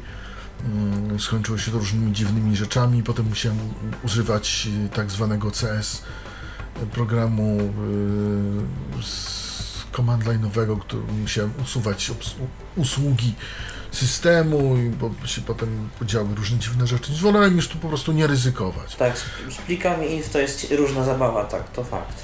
Czyli jakby, No były, jakby był, był on jeden, dwa, no to jeszcze, ale ich jest więcej tam w tych, w tych driverach, więc wolałem. Poza tym, jeśli chodzi o Web Connection, sam ten, ten program, to on jest niewielki. On zajmuje 20 mega, więc po instalacji już to tam nie robiłem jakichś większych Nie, problemów. to Poza tym, przy dzisiejszych dyskach to naprawdę, nawet tych SSD większych to to Nie Większym problemu nie ma. Poza tym, jak wyinstalowujesz ten program, to zostaje wszystko czyste. Nie ma żadnych pozostałości, jak po Mobile Partnerze, gdzieś tam w program data, gdzieś tam w jakichś tak... Nie ma jakichś takich rzeczy, to ładnie się wszystko wywala. Tu- Tutaj trzeba przyznać, że tu, tu zrobili. Natomiast, no nie wiem, nie udało mi się okiełznać tego na samych sterownikach tego Alcatela. Nie wiem, może błąd. Tak samo nie udało mi się zupdate'ować, czy uaktualnić wewnętrznego mm, firmware'u. Prawdopodobnie dlatego, że jest to jakiś y, router zbrandowany, to znaczy na daną sieć. Jest bez simlocka, Znaczy ale jest... znaczy ma on zainstalowane oprogramowanie firmowane przez jakąś sieć komórkową, ale nie ma simlocka, czyli działa w każdej sieci, ale oprogramowanie ma jakieś konkretne niestety i to prawdopodobnie jest problem. I, i, ja nie wiem, jak. y, O ile w Nokiach mogłem gdzieś tam znaleźć, jak wgrać pon- ponownie firmware, znaczy to oprogramowanie wewnętrzne, po prostu od zera to z- zrobić, jak zre, zreflaszować. Znowu operuję technicznymi tutaj, bo do- dosta- dostaliśmy sygnał, że za bardzo technicznie idziemy i, i słuchacze nie bardzo rozumieją, ale no, że tak powiem, Wiecie co, tu się, tu się po prostu średnio czasami da tak powiedzieć nietechnicznie, Prosto. tak, wydaje, wydaje się, że no, kupimy sobie router albo modem, włożymy kartę, podłączymy, zainstalujemy coś i to powinno działać. To, to nie zawsze tak niestety jest. Dokładnie, a poza tym no, są pewne, że tak powiem, błędy, tak? Ja pra prawdopodobnie ten egzemplarz, przepraszam, ten egzemplarz, kt- który mam, pochodzi prawdopodobnie z Anglii, a tam y, sieci internetowe mają wyłączony PIT, y, PIN. I prawdopodobnie też pochodzi właśnie z sieci przedpłaconej. Yy, I, I po prostu tam jest włączony PIN i no i w tym momencie no to wszystko działa jak trzeba, tak? W przypadku Aero 2 tak samo wszystko będzie działało jak trzeba, tam też PIN-u nie ma. To jest tak zwany ten bezpłatny internet. Natomiast jest- już problem w przypadku abonamentowych spraw. No ale zobaczymy. Yy, nie udało mi się to zrobić. Y, Co mamy w ustawieniach jeszcze tego routera, czy tym, tym wewnętrznym panelu? Możemy sobie ustawić serwer, serwer DHCP, czy mamy go mieć włączonego, czy nie. Możemy sobie ustawić czas dzierżawy adresu. Serwer THCP, czyli tak powiem dla tych, co nie bardzo No wiedzą o co chodzi, czyli chodzi? po prostu ustawianie automatycznego przydziału adresów kolejnych przyłączanych urządzeń do tego, do tego routera od jednego do maksymalnie 10. 10, Czy ma to być dokładnie. włączone, czy, czy nie. Dokładnie, czyli ma uzyskać, czy komputer ma sam to, to, to, to, to dostawać, czy po prostu ręcznie to Czy będzie ręcznie przypisywanie. przypisywany, to możemy zrobić. Możemy, możemy właśnie mm, y, tutaj y, mm, tą dzierżawę mm, zdefiniować, ile chcemy. Dzierżawę, czyli y, czas, na jaki jakieś urządzenie dany adres może mieć przydzielony. Dokładnie. Potem możemy. Na przykład możecie w ten sposób ograniczyć, y, nie wiem, no w przypadku dzieci internet do jakiejś tam godziny. Tak, Też tak, można zrobić. można. Albo do iluś godzin dziennie. Tak. Mamy, mamy oczywiście mm, mamy oczywiście też y, ustawienia połączenia. Możemy zrobić, czy ma się router łączyć po 3G, po 4G, 2G i 1G. Uwaga, tak to jest oznaczone. Domyślnie 4G, LTE, 3G, LTE, 3G, no to 3G wiadomo. Wszystkie te HSPA+, HS, HS, plus, DPA i PA, HS, UPA dokładnie i 2G po prostu UMTS-y. Y, i Edge, i UMTS-y, GPRS-y, Edge, a na samym, na samym 1G A to GSM jest jako, jako GSM, G1. Jako G1. Możemy to zdefiniować. Mamy y, też profile, dzięki którym możemy sobie zdefiniować i na przykład zdefiniujemy, możemy sobie zdefiniować profil na przykład domyślny. Y, profili mamy do zrobienia 15. Taki profil składa się z... To jest całkiem dużo. Tak, to jest całkiem dużo. Mm. I teraz tak, możemy wybrać, jak to wygląda, jak robimy sobie nowy profil, tak? Kre- Kreujemy nowy profil, add new, jest przycisk I teraz tak, y, wpisujemy nazwę profilu, czyli załóżmy, no jakiś tam, nie wiem, y, Tyflo Podcast. Domowy albo, nie wiem, szkoła, cokolwiek. Szkoła, coś takiego. Potem wpisujemy y, numer telefonu.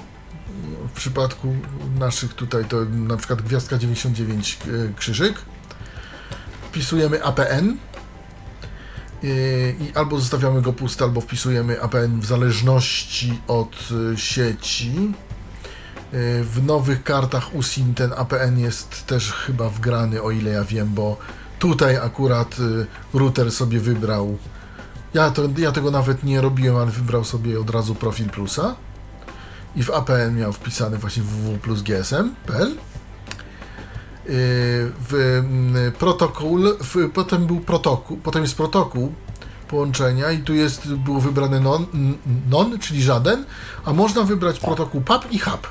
I PAP HAP. Nie wiem o co chodzi, Tak. jakieś uwierzytelniania.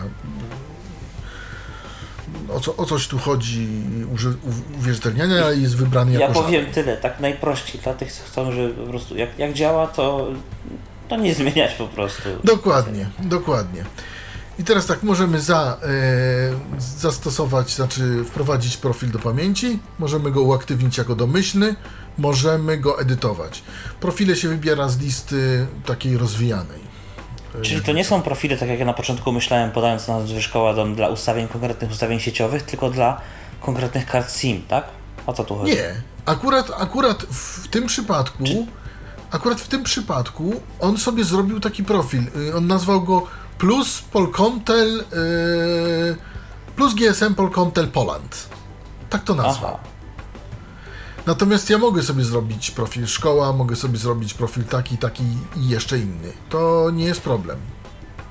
Mhm. Bo ja znaczy nie, pytam po prostu, bo najpierw podałeś te ustawienia sieciowe o dzierżawie adresu, o czasie i tak dalej, a Nie, potem to- powiedziałeś, że można zrobić kilka profili, więc ja sobie to odczytałem w ten sposób, że Bo to jest mogę wszystko zrobić pod, kilka tym, pod tymi, jak wejdziesz w settings, jak wejdziesz w settings, jak wejdziesz w ustawienia i podasz y, hasło i login, ten admin, admin, to tam masz od razu ten pin management, masz te profile, masz te wszystkie jakby te sprawy, tak? Masz system, Mhm.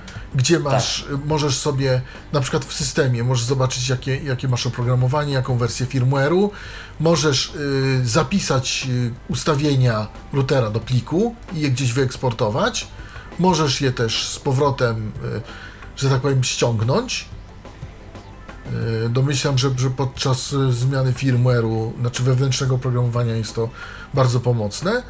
I tam masz na przykład coś takiego, tak, w systemie. Masz, y, masz sieć network, właśnie ustawienie network się, się nazywa, czyli sieć, i tam wybierasz, czy się chcesz łączyć 1G, 2G, 3G czy 4G, tak? Czy, czy auto, czy manual wybierasz sobie, czyli czy ręcznie, czy automatycznie. W momencie, gdy wybierzemy sobie automatycznie, to on sobie automatycznie wybierze najlepszy optymalny, mm, najlepsze optymalne połączenie i wtedy nie można sterować tym, tym połączeniem 4G, 3G, 2G, 1G. Jak mamy wybrane na auto. Możemy też wybrać, e, czy ma się łączyć jakby sam, czy ma się nie łączyć jakby sam, czyli, ko- czyli kolejny. To jest tak zwany connection status. Tam tego troszeczkę jest, ale to jest wszystko bardzo proste. To jest, to jest bardzo proste urządzenie. Ten, ten, on nie ma żadnych e, zapór poza natową, taką, którą daje zwykły NAT. Nie ma żadnych wirtualnych serwerów, nie ma przekierowania portów. On tych rzeczy po prostu nie posiada. To jest prosty, prosty, zwykły taki, taki routerek na baterię.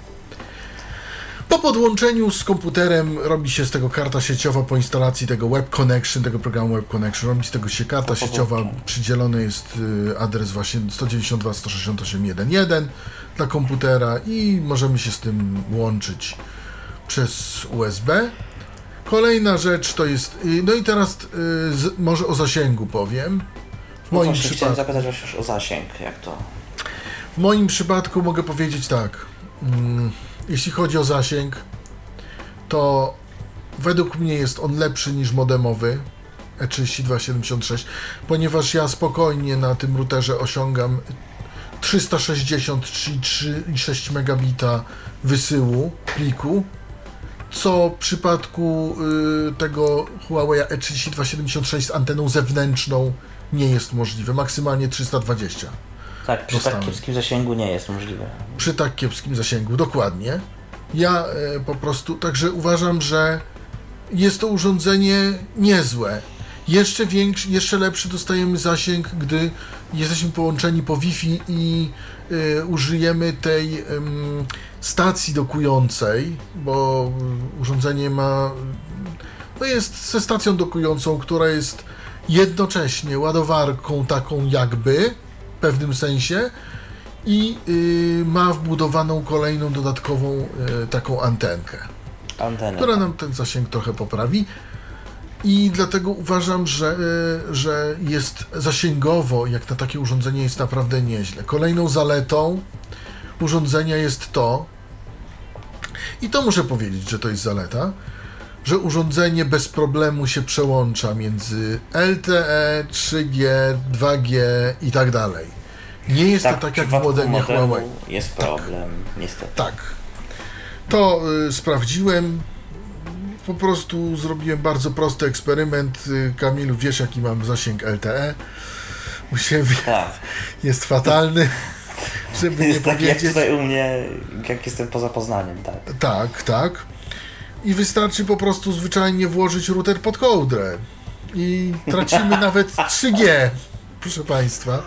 Dostajemy tylko sam GPRS. Ale o co chodzi? Router nie stracił połączenia. On to po prostu tylko zwolnił. On zwolnił pobieranie, zwolnił wysyłanie, ale nie stracił połączenia. Wszystko było tak samo, nie było żadnych przerw. Także tu akurat uważam, że jak do podróży, urządzenie jak znalazł. Jeszcze z tą stacją dokującą. I, no i Ale z tego duże jest. Ładnie wygląda. Jak na, nawet. To znaczy trochę duże. Aha, jeszcze jedno. Urządzenie umożliwia transfer z prędkością 100 megabitów do klienta i 50 megabitów od klienta. Czyli 100 y, odbioru, pi- 50 wysyłu na megabajty przetłumacza się to tak, że jest, y, że dostajemy 12 megabajtów ściągania i 5 megabajtów wysyłki. Przy dobrym zasięgu oczywiście. Przy dobrym bo- zasięgu, tak. To jest maksymalnie, przy, co on przy, może. trzy- Bo przy, przy 3G, czyli przy tym HSDPA osiągnie, y, HS, tak? HSPA Plus osiągniecie Dokładnie. maksymalnie tam ile jest? 7 megabajtów? 8 poboru i chyba 2 czy Nie, 1 21 masz maksymalnie przy hasle. megabitów. Megabitów. Megabitów, tak.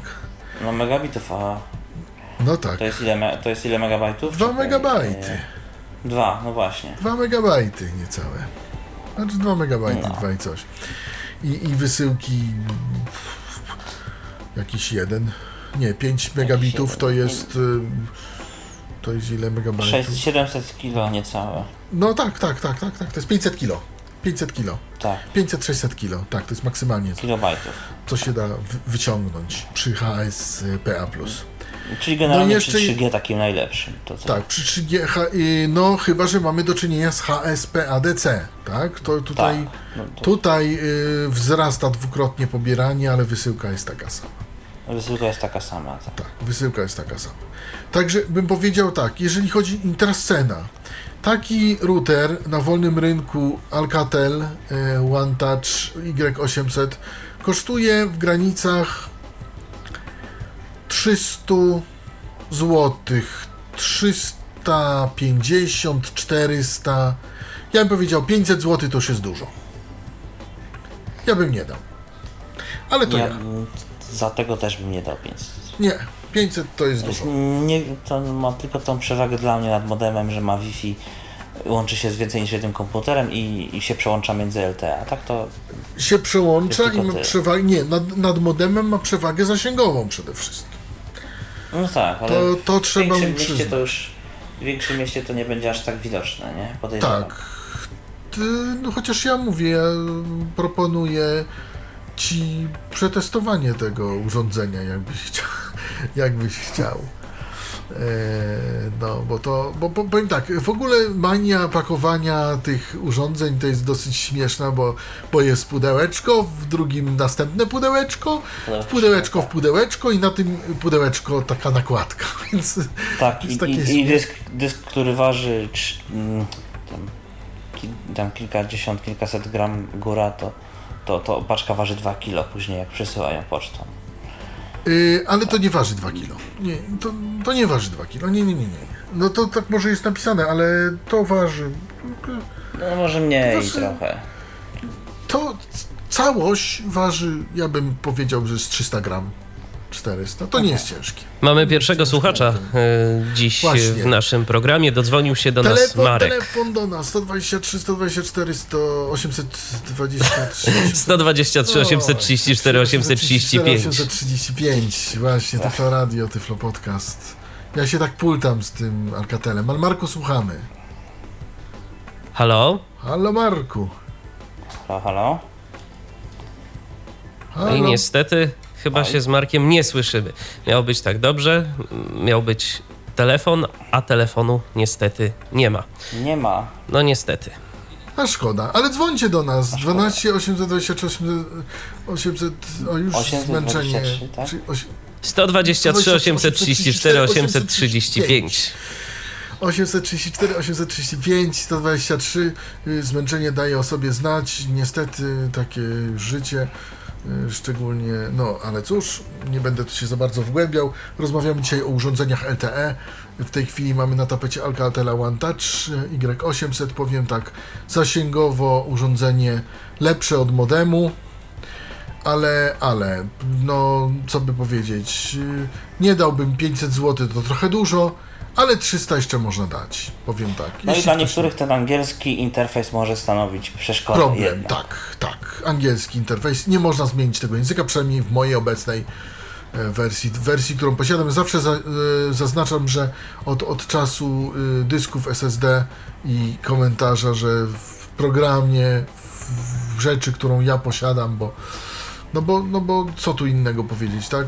Każdemu może się No bo ktoś może powiedzieć, że ma ten sam model, ale nowszy albo A- inny, inne oprogramowanie i No właśnie i w tym momencie mamy inne, a mi się nie udało wgrać oprogramowania, nie wiem jak, że tak powiem, ponownie wgrać oprogramowanie do Alcatela, jakim y, soft, jakim oprogramowaniem, chciałem powiedzieć softem, już techniczne naleciałości, prawda, co użyć, żeby w ogóle z, zrebr, zrebrandować, tak? No to Tak. kolejne, czyli, czyli pozbawić marki. Jak po prostu wymienić oprogramowanie w tym routerze? Tak, na od nowe. początku, Na takie, tak na totalnie. firmowe od początku. Na najnowsze, jakie jest dostępne i totalnie najnowsze i żeby to wszystko zadziałało. Mi się nie udało, y, ale no Alcatel y, jest taką firmą, jaką jest. Dawno, dawno go nie było. Uważam, że wraca, czy w wielkim stylu. To jest już odrębna sprawa. Przecięt, Y, przeciętnym powiedzmy. przeciętnym, powiedziałbym lepszy, lepiej niż przeciętnym. Yy, Ja powiedziałbym nawet trochę lepiej niż, niż przeciętnym, ponieważ yy, mm, powiedzmy sobie szczerze, to założenie, które oni chcieli osiągnąć, czyli przenośność, czyli to, że możesz to włożyć do kieszeni i mać to działać, to oni osiągnęli, tak? Nawet Nie, przy naprawdę kiepskim zasięgu, jaki jest u mnie, no to to urządzenie jakoś pracuje, także Także, także, no natomiast to minusy, no mogliby zrobić gniazdo anteny zewnętrznej zewnętrznej. i, i, i co, no, no, no mogliby to troszkę inaczej zrobić, no ale może mówię, ja nie mam najnowszego firmware'u, może dlatego, że To też dopiero wchodzi, wszystko te urządzenia będą z czasem podejrzewam coraz lepsze. tak, U natomiast ja myślałem, że one będą tanieć, natomiast one nie tanieją i ja się chyba nie dziwię dlaczego. Bo wzrasta popularność tego. Wzrasta popularność LTE, ale LTE nie jest głupie. Ja powiem, powiem tak, odnośnie pingów modemowych i routerowych. Modemowe pingi są mniej stałe, mają większy rozrzut. Nie wiem dlaczego tak jest, niż te routerowe.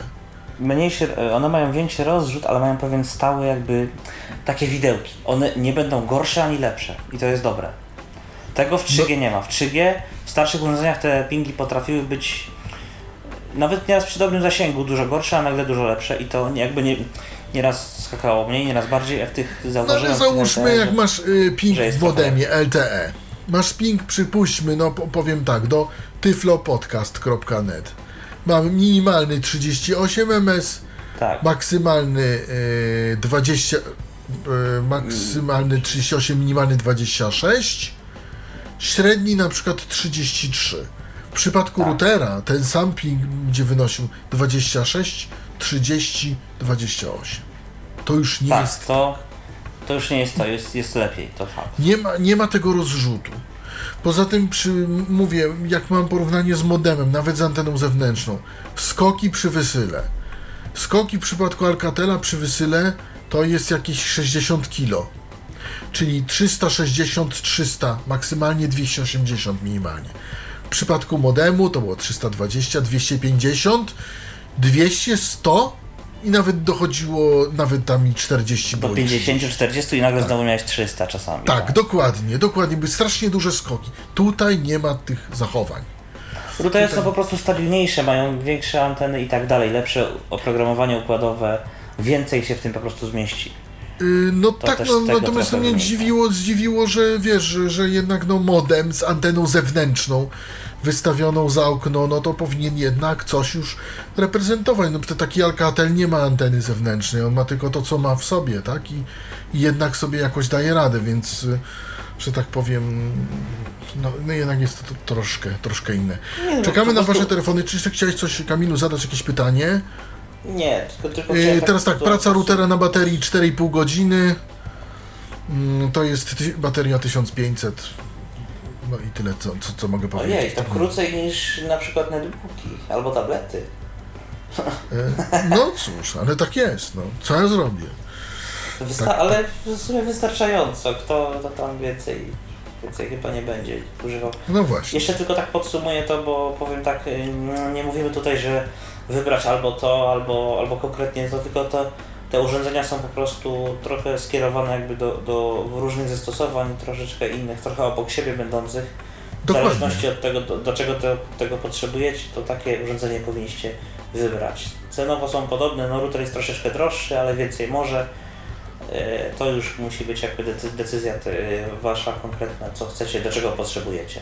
Czy więcej Natomiast- komputerów, czy mniej. Natomiast i tak rzecz ważna, przy połączeniu z komputerem nie dostajecie adresu IP publicznego, tak jak w modemie, tylko dostajecie adres z puli routera.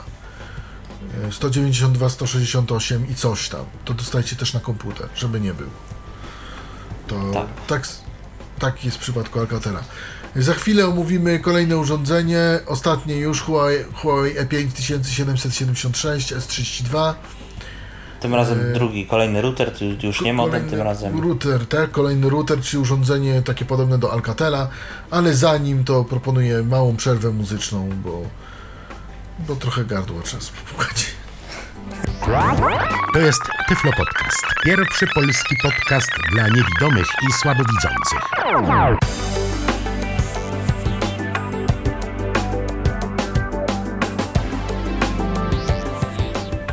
5 godzin, 5 minut, o, to nie 5 godzin. 5 minut zostało do 21. To jest Tyflo Radio, Tyflo Podcast na żywo.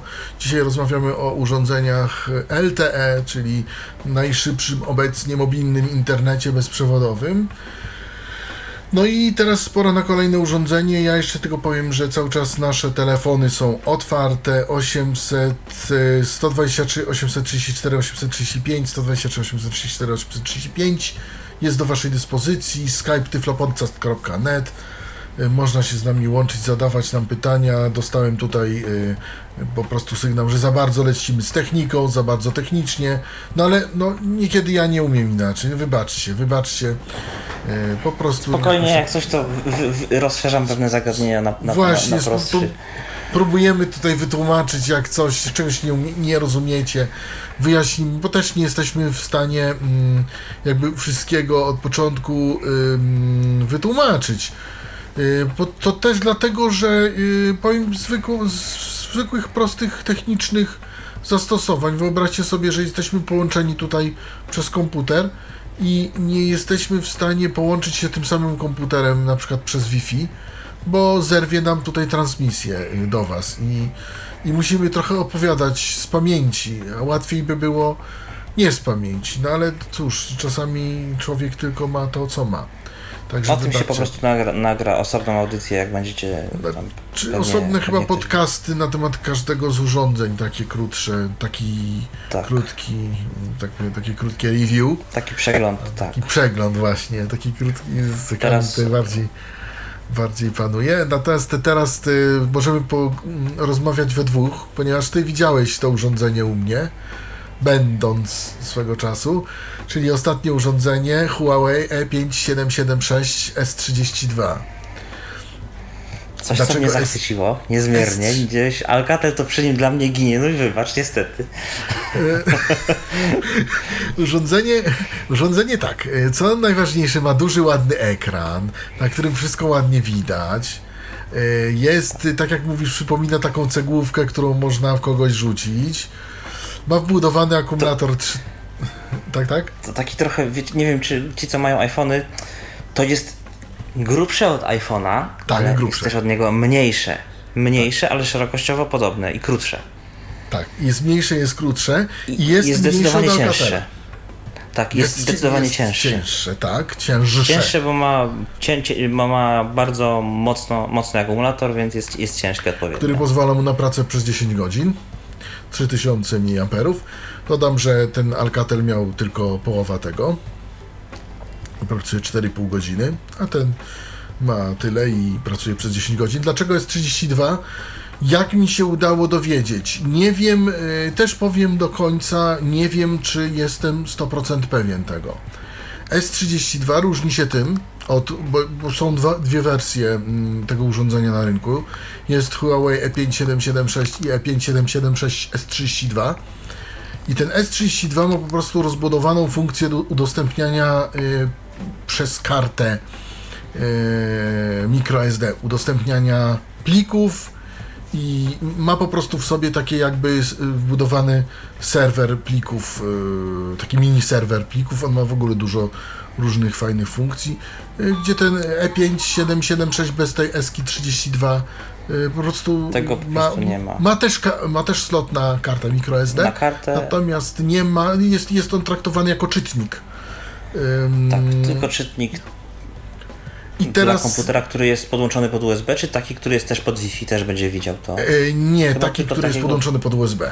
Pod USB. Dla te, tylko dla takiego komputera jest to pełni rolę czytnika kart. O co chodzi z serwerem plików?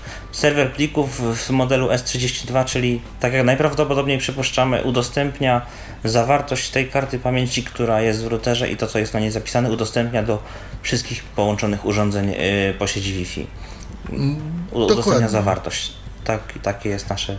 E, dlatego, że jest y, w panelu tym, bo tak samo tutaj, jak wiesz, y, Kamilu, tak samo tutaj się łączymy przez y, 192, 168, 1.1 jeden. i mamy, Żeby nim w ogóle ustawiać go, zarządzać nim. żeby nim, u- i mamy coś takiego jak mobilny router. Po polsku mamy wszystko, słuchajcie. Wszystko jest pięknie po polsku, żeby nie było, są też inne języki, ale polski jest domyślnie wybrany. Dostajemy, no oczywiście PIN wymagany, wprowadzamy PIN. Oczywiście jest ptaszek, którym, którym zatwierdzamy, e, żeby ten PIN został zapamiętany. Tak. Bez problemu nam to wchodzi, się router łączy oczywiście. Teraz tak, to, to urządzenie ma w prawym górnym rogu przycisk power. Yy, naciskamy go przez dwie sekundy, router się załącza. Yy, naciskamy mm, przez drugie dwie, router się wyłącza. Yy, Mamy Tak. też przycisk yy, WPS, tak samo ten, ten VP Protected Access Setup. Ten przycisk mamy z, yy, na na jednej ze ścianek routera i też tak samo na jednej ze ścianek mamy gniazdo do anteny zewnętrznej TS9. Mamy też klapkę Czyli to większe, to starsze. do tej większej, tak? to starsze. Ja uważam, że to lepsze, Lepsze, tak. bardziej stabilne. Mamy też y, klapkę, znaczy takie, takie te. Huawei w ogóle się stylizuje na te takie gumowe, kla, takie gumowe otwarcia. Ale mi się to podoba. nie wiem dlaczego. I ma, mamy gumowe otwarcie na. Mm, gumowe otwarcie do karty microSD i mamy gumowe otwarcie na kartę SIM. I teraz jedna ciekawa rzecz. Yy, Do tego routera kartę SIM on jest tak zrobiony zmyślnie, że tylko karta SIM włożona prawidłowo, zresztą tak samo jest w Alcatelu, żeby nie było, umożliwia Tak, nam tak zamknięcie tej klapki. To nie jest tak jak w modemie, tak. W modemie można w kartę włożyć źle i zamknąć. Na tu raz, nie. dwa, trzy, cztery sposoby wejdzie Tak, taka. tutaj Nawet nie. Tu tylko, tu w każdym z złych sposobów karta będzie wystawać i nie, nie włożymy jej do routera. W dob- jak jest dobrze zrobiona, jak jest dobrze włożona karta SIM, to wtedy ją, że tak powiem, yy, włożymy przy pomocy tego zaciskowego takiego czytnika, jak ja to nazwę, push and close, czyli popchnij i wtedy się mm, włoży. Jeżeli chcesz wyjąć, to jeszcze raz ją popchnij i się wyjmie. Taki izostatowy z- zacisk na, na karty. Mi się podoba to rozwiązanie akurat. W przypadku, tak, ono jest bardzo pewne. tak, ono jest pewne. W przypadku Alcatela jest tak, że nie włożymy baterii, jeżeli włożymy źle kartę SIM. Po prostu. Zwyczajnie. Nie, także jeśli chodzi o routery, nie da się tu źle włożyć karty SIM. Tylko w jeden sposób, nie kombinujemy nic na siłę. W jeden sposób to pasuje i wtedy możemy wszystko zamknąć i wszystko jak najbardziej jest wtedy e, ładnie to skompaktowane. Teraz, no, skoro urządzenie posiada wbudowany akumulator, no to jak jak możemy się dowiedzieć, prawda, jaki jest, te, te, jakie jest to hasło, żeby nam, żebyśmy mogli się połączyć. Aha, urządzenie jeszcze ma przycisk reset też na szpileczkę. Mm, On jest między tymi klapkami, między wejściem na kartę, a wejściem na kartę SIM. Też tak Na jednej z krawędzi, tak. tak na jednej z krawędzi. I teraz tak, jak zrobimy, jak zrobić, żeby e, to hasło, żeby to hasło po prostu się dowiedzieć, się połączyć. Żeby Jak się zalogować po raz pierwszy do routera, jak ktoś go kupi, nie zna, w ogóle nie wie, chce tylko poznać, żeby, żeby go sobie ustawić. O to. Dokładnie. Jak jest komputer włączony, znaczy jak jest router włączony, przyciskamy dwukrotnie y, przycisk WPS i wtedy na kilka sekund na ekranie pojawi nam się hasło. Nie trzeba jakoś spisać i po kłopocie, że tak powiem. W przypadku braku wzroku jednak po, polecamy WPS. Jest, pro, jest problem w tym Jest momencie, problem. ale aczkolwiek WPS działa, tak. Natomiast też myślę, że taki router em, musimy kupić gdzieś, więc można prosić po prostu sprzedawcy, żeby nam takie hasło podyktował, no i nagrać taki, nie wiem, na coś, czy, czy, czy, czy, Czy czy gdzieś... zapisać, czy gdzieś nagrać jakąś not- notatkę, czy coś tak. To hasło można zmienić potem, to, to nie jest problem żaden. To, to, jeśli chodzi o Huawei'a, to to jest rozbudowana maszyna, ja tak powiem, ale też koszt, koszt tego urządzenia jest rozbudowany. Taniej jak 700 zł za nowy, to ja nie znalazłem w tej chwili. Za S32. To ty miałeś szczęście, tylko chyba tam... Ja miałem kupę szczęścia, że kupiłem ten, e, na wolnym rynku ten, ten router. Po prostu ktoś się, ktoś po prostu potrzebował pieniędzy i no to było tak, ktoś wystawił aukcję za 10 minut, ja ją znalazłem i tylko na zasadzie że się dogadałem z człowiekiem i, i człowiek powiedział, dobrze wyślę, tylko pan mi przeleje pieniądze. No, pieniądze przelałem, zrobiłem to w sposób bezpieczny, taki, który nie ulega żadnej wątpliwości, że po prostu tego i tak router do mnie przyszedł. Jak jest zapakowany? Jest oczywiście zapakowany w pudełkologię stosowaną, jak ja to nazywam, czyli pudełko, tacka, kolejne pudełko, pudełkiem, pudełkiem przykrywa. Czyli zdejmujemy pudełko górne, tam mamy tackę z routerem, a pod nim mamy kolejne pudełko, w którym mamy resztę akcesoriów, czyli kabel USB, ładowarkę. Ładowarkę mamy taką, że em, mamy port w niej do, do USB i tak, tak ładujemy router, czyli wkładamy mm, do Czyli jakby port- on nie ma osobnego wejścia do Ładowania, nie. jako takiego. Nie. To jest bardzo fajne, bo y, podłączając, słuchajcie, router na przykład y, do komputera, to po prostu go zwyczajnie ładujecie. Jeżeli ładujecie na przykład laptopa, to razem z nim ładujecie również router, odłączacie, wyjeżdżacie gdzieś w trasę, obydwa urządzenia są naładowane praktycznie i, i to nie, nie wymaga takiej kablologii jak w przypadku jakiej in, tego y, poprzedniego routera, gdzie, gdzie trzeba go tam osobno po prostu ładować, tak? Yy, mm, po, Czy no, on też, oso- czy, czy on też może? Y, Osobny router jest ten y, Alcatel jest ładowany przez mikro USB. Natomiast ma jeszcze stację dokującą i tej stacji dokującej jest ta dodatkowa jakby antena, która działa nam niestety tylko przez Wi-Fi, bo jak to jest zrobione? To jest niestety tak zrobione, że w momencie, gdy postawimy Alcatela na stacji dokującej, tam są takie dwa piny, no to jakby to wejście mikro USB nam się chowa, bo ono jest tak samo na tej samej ściance, co się stawia Aha. na stacji dokującej, także to, to jest. y, Ale akurat jeśli chodzi o połączenie przez Wi-Fi i ładowanie, to tutaj jest, tutaj akurat jest dobrze. Natomiast y, ja jeszcze dokończę, bo y, odnośnie Huawei'a, no to no mówię, cena jest też, też dość pokaźna. Teraz tak, wchodzimy w router, tak samo 192, 168 i tak dalej. Łączymy się nim przez Wi-Fi albo przez e, właśnie ten mikro USB. I teraz jest e, jedna zasada, przynajmniej e, jak do tej pory było, może się to zmieni, ale w momencie, gdy podłączymy mm, router przez mikro USB do komputera, to on się ładuje. Jeżeli chcemy go mm, uruchomić, tak jak e, zrobić kartę sieciową, tak? Tak. To wtedy musimy go włączyć powerem i wtedy on już się nam nie ładuje. I wtedy on już korzysta z baterii. Zresztą w instrukcji, która jest tak samo po polsku, w instrukcji wystarczy wejść na ten panel, nawet się nie logować hasłem, tylko wejść na ten pan, panel i kliknąć pomoc i jest cała instrukcja po polsku do tego urządzenia. Jest napisane, że urządzenie jest zasilane tylko z baterii. Także mam nadzieję, że Huawei nad tym popracuje, bo to jest chyba kwestia oprogramowania. Tak, to jest, to jest szczerze mówiąc y, bardzo niewygodna rzecz. Dlatego, że No. masz wybór, albo korzystasz, albo ładujesz. I nie masz Dokładnie. opcji korzystasz i ładujesz. Dokładnie. A w Alcatelu masz opcję korzystam i ładuję. Druga wada Huawei'a to jest taka, skoro mówimy o wadach, to jest ta wada z przełączaniem standardów. Jak znajdzie LTE, to masz tylko LTE.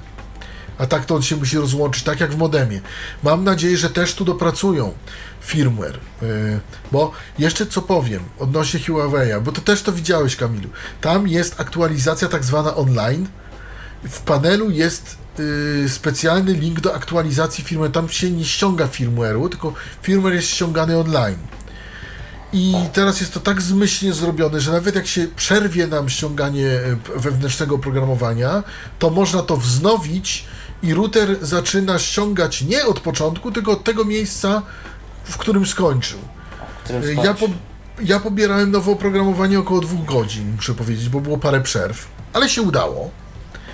Dotrwałem.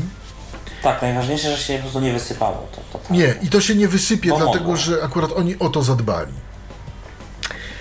Co by Cię interesowało z tego routera, bo już tak chaotycznie go strasznie omawiamy, o tego Hu- Huawei e, e, E5776. Szybkości. Y, Tutaj router na szczęście rozróżnia LTE, HSPA i tak dalej, i tak dalej. I to jest dobrze. Y, Bo, bo tu wiemy, masz, czym... masz pokazane w statusie połączenia na stronie, że jesteś połączony po LTE na przykład. Tak, jest po, po, tak, po LTE, czy HSPA+, czy HSP i tak dalej. Tu mamy, nie w przypadku tak jak Alcatela 4G, 3G i tak dalej, tylko po prostu LTE i tak dalej. Tu, tu jest normalnie to pokazane. I teraz tak. ym, y, i, teraz tak. y, ym, co tu jeszcze można o nim powiedzieć? No on ma dużo opcji konfiguracyjnych, ma przekierowanie portów, ma y, opcję NAT-u, ma NAT stożkowy, NAT symetryczny. Nie pytajcie mnie się o co chodzi, bo ja nie wiem tak do końca. Wiem, że NAT stożkowy jest chyba bardziej kompatybilny z grami niż NAT symetryczny, a NAT symetryczny to jest chyba bardziej bezpieczny. To, No, ale- co to jest tak jak w normalnych routerach stacjonarnych. y, y, Pod, podłączacie, działa ok. Jak coś nie działa, to wtedy lepiej się zastanawiać, bo, bo nie ma sensu wchodzić we wszystkie szczegóły od razu, ponieważ to może spowodować jeszcze większe problemy tak naprawdę. Y, Ma oczywiście tak te samo opcje- te serwery opcje wymiany DHCP tak i inne takie. Tak. Ma e, regulację zapory firewalla, czy taka zapora, czy taka. Y, Ma y, serwery wirtualne tak zwane. Jeżeli ktoś wie o co, znaczy no musiał się wgłębiać, tak, ale jest, yy, jest taka opcja jak serwery wirtualne w routerach, no i on to posiada, ma, ma te sprawy, ma jakąś bodajże kontrolę rodzicielską nawet, yy, można mu zablokować pingi wychodzące, przychodzące w tej, w, także tych opcji naprawdę ma dużo, ma ustawienia oczywiście Wi-Fi, ma ustawienia i kanałów, ma ustawienia separacji między użytkownikami, że może że użytkowniki, użytkownicy podłączeni po Wi-Fi mogą siebie widzieć albo nie. Y, Czyli ma takich, tych, tych opcji ma naprawdę dużo. Ja bym musiał, to znaczy postaramy się zrobić taki oddzielny jakby podcast na temat tego e, routera i przegląd funkcji, tak? Bo z racji po Tak. prostu typowo technicznych no nie możemy tego zrobić, tak? Tu, tutaj. Tak, to I już wytłumaczę. takiej funkcji i zastosowanie po prostu zajęłoby zbyt dużo czasu, żeby to w tej chwili o, o, o, omawiać. Niekoniecznie, bo nawet stosowanie, tylko chodzi o to, że mm, sprawa jest prosta, ponieważ Huawei, tak samo jak y, Alcatel, y, tworzy kartę sieciową podłączoną przez USB. W momencie, gdy podłączymy to, y, w tym momencie stracimy transmisję internetową. A transmisja po 3G może być bardzo różna i może to powodować problemy w odbiorze, y, problemy w przekazie. Nie, y, szczególnie tutaj, gdzie, gdzie ja jestem, gdzie ten zasięg jest naprawdę nieciekawy i marny. Że tak powiem, więc y, ryzyka woleliśmy nie, nie podejmować, a po prostu w przypadku, gdybyśmy zrobili inne stanowisko, no słyszalność mojego głosu by byłaby trochę jakby nie, nie bardzo. Czego też nie chcieliśmy podejmować, więc y, postanowimy się zrobić, po- postanowiłem zrobić taki przegląd, szczególnie tego Huawei'a tak do końca. Oczywiście, co trzeba powiedzieć, Huawei właśnie zapamiętuje piny, do, może zapamiętać do, piny do kilku kart naraz, z tego co ja wiem, nie wiem do ilu, ale, ale zapamiętuje. Szczegóły, ile ma ramu, flashu i tak dalej, nie pamiętam teraz, ale można spokojnie znaleźć to w internecie. E, Bez problemu można to, to, to znaleźć, ale myślę, że to nie jest chyba jakieś takie bardzo istotne. Dostępnościowo, e, w przypadku NVDA i Firefoxa bez żadnych problemów.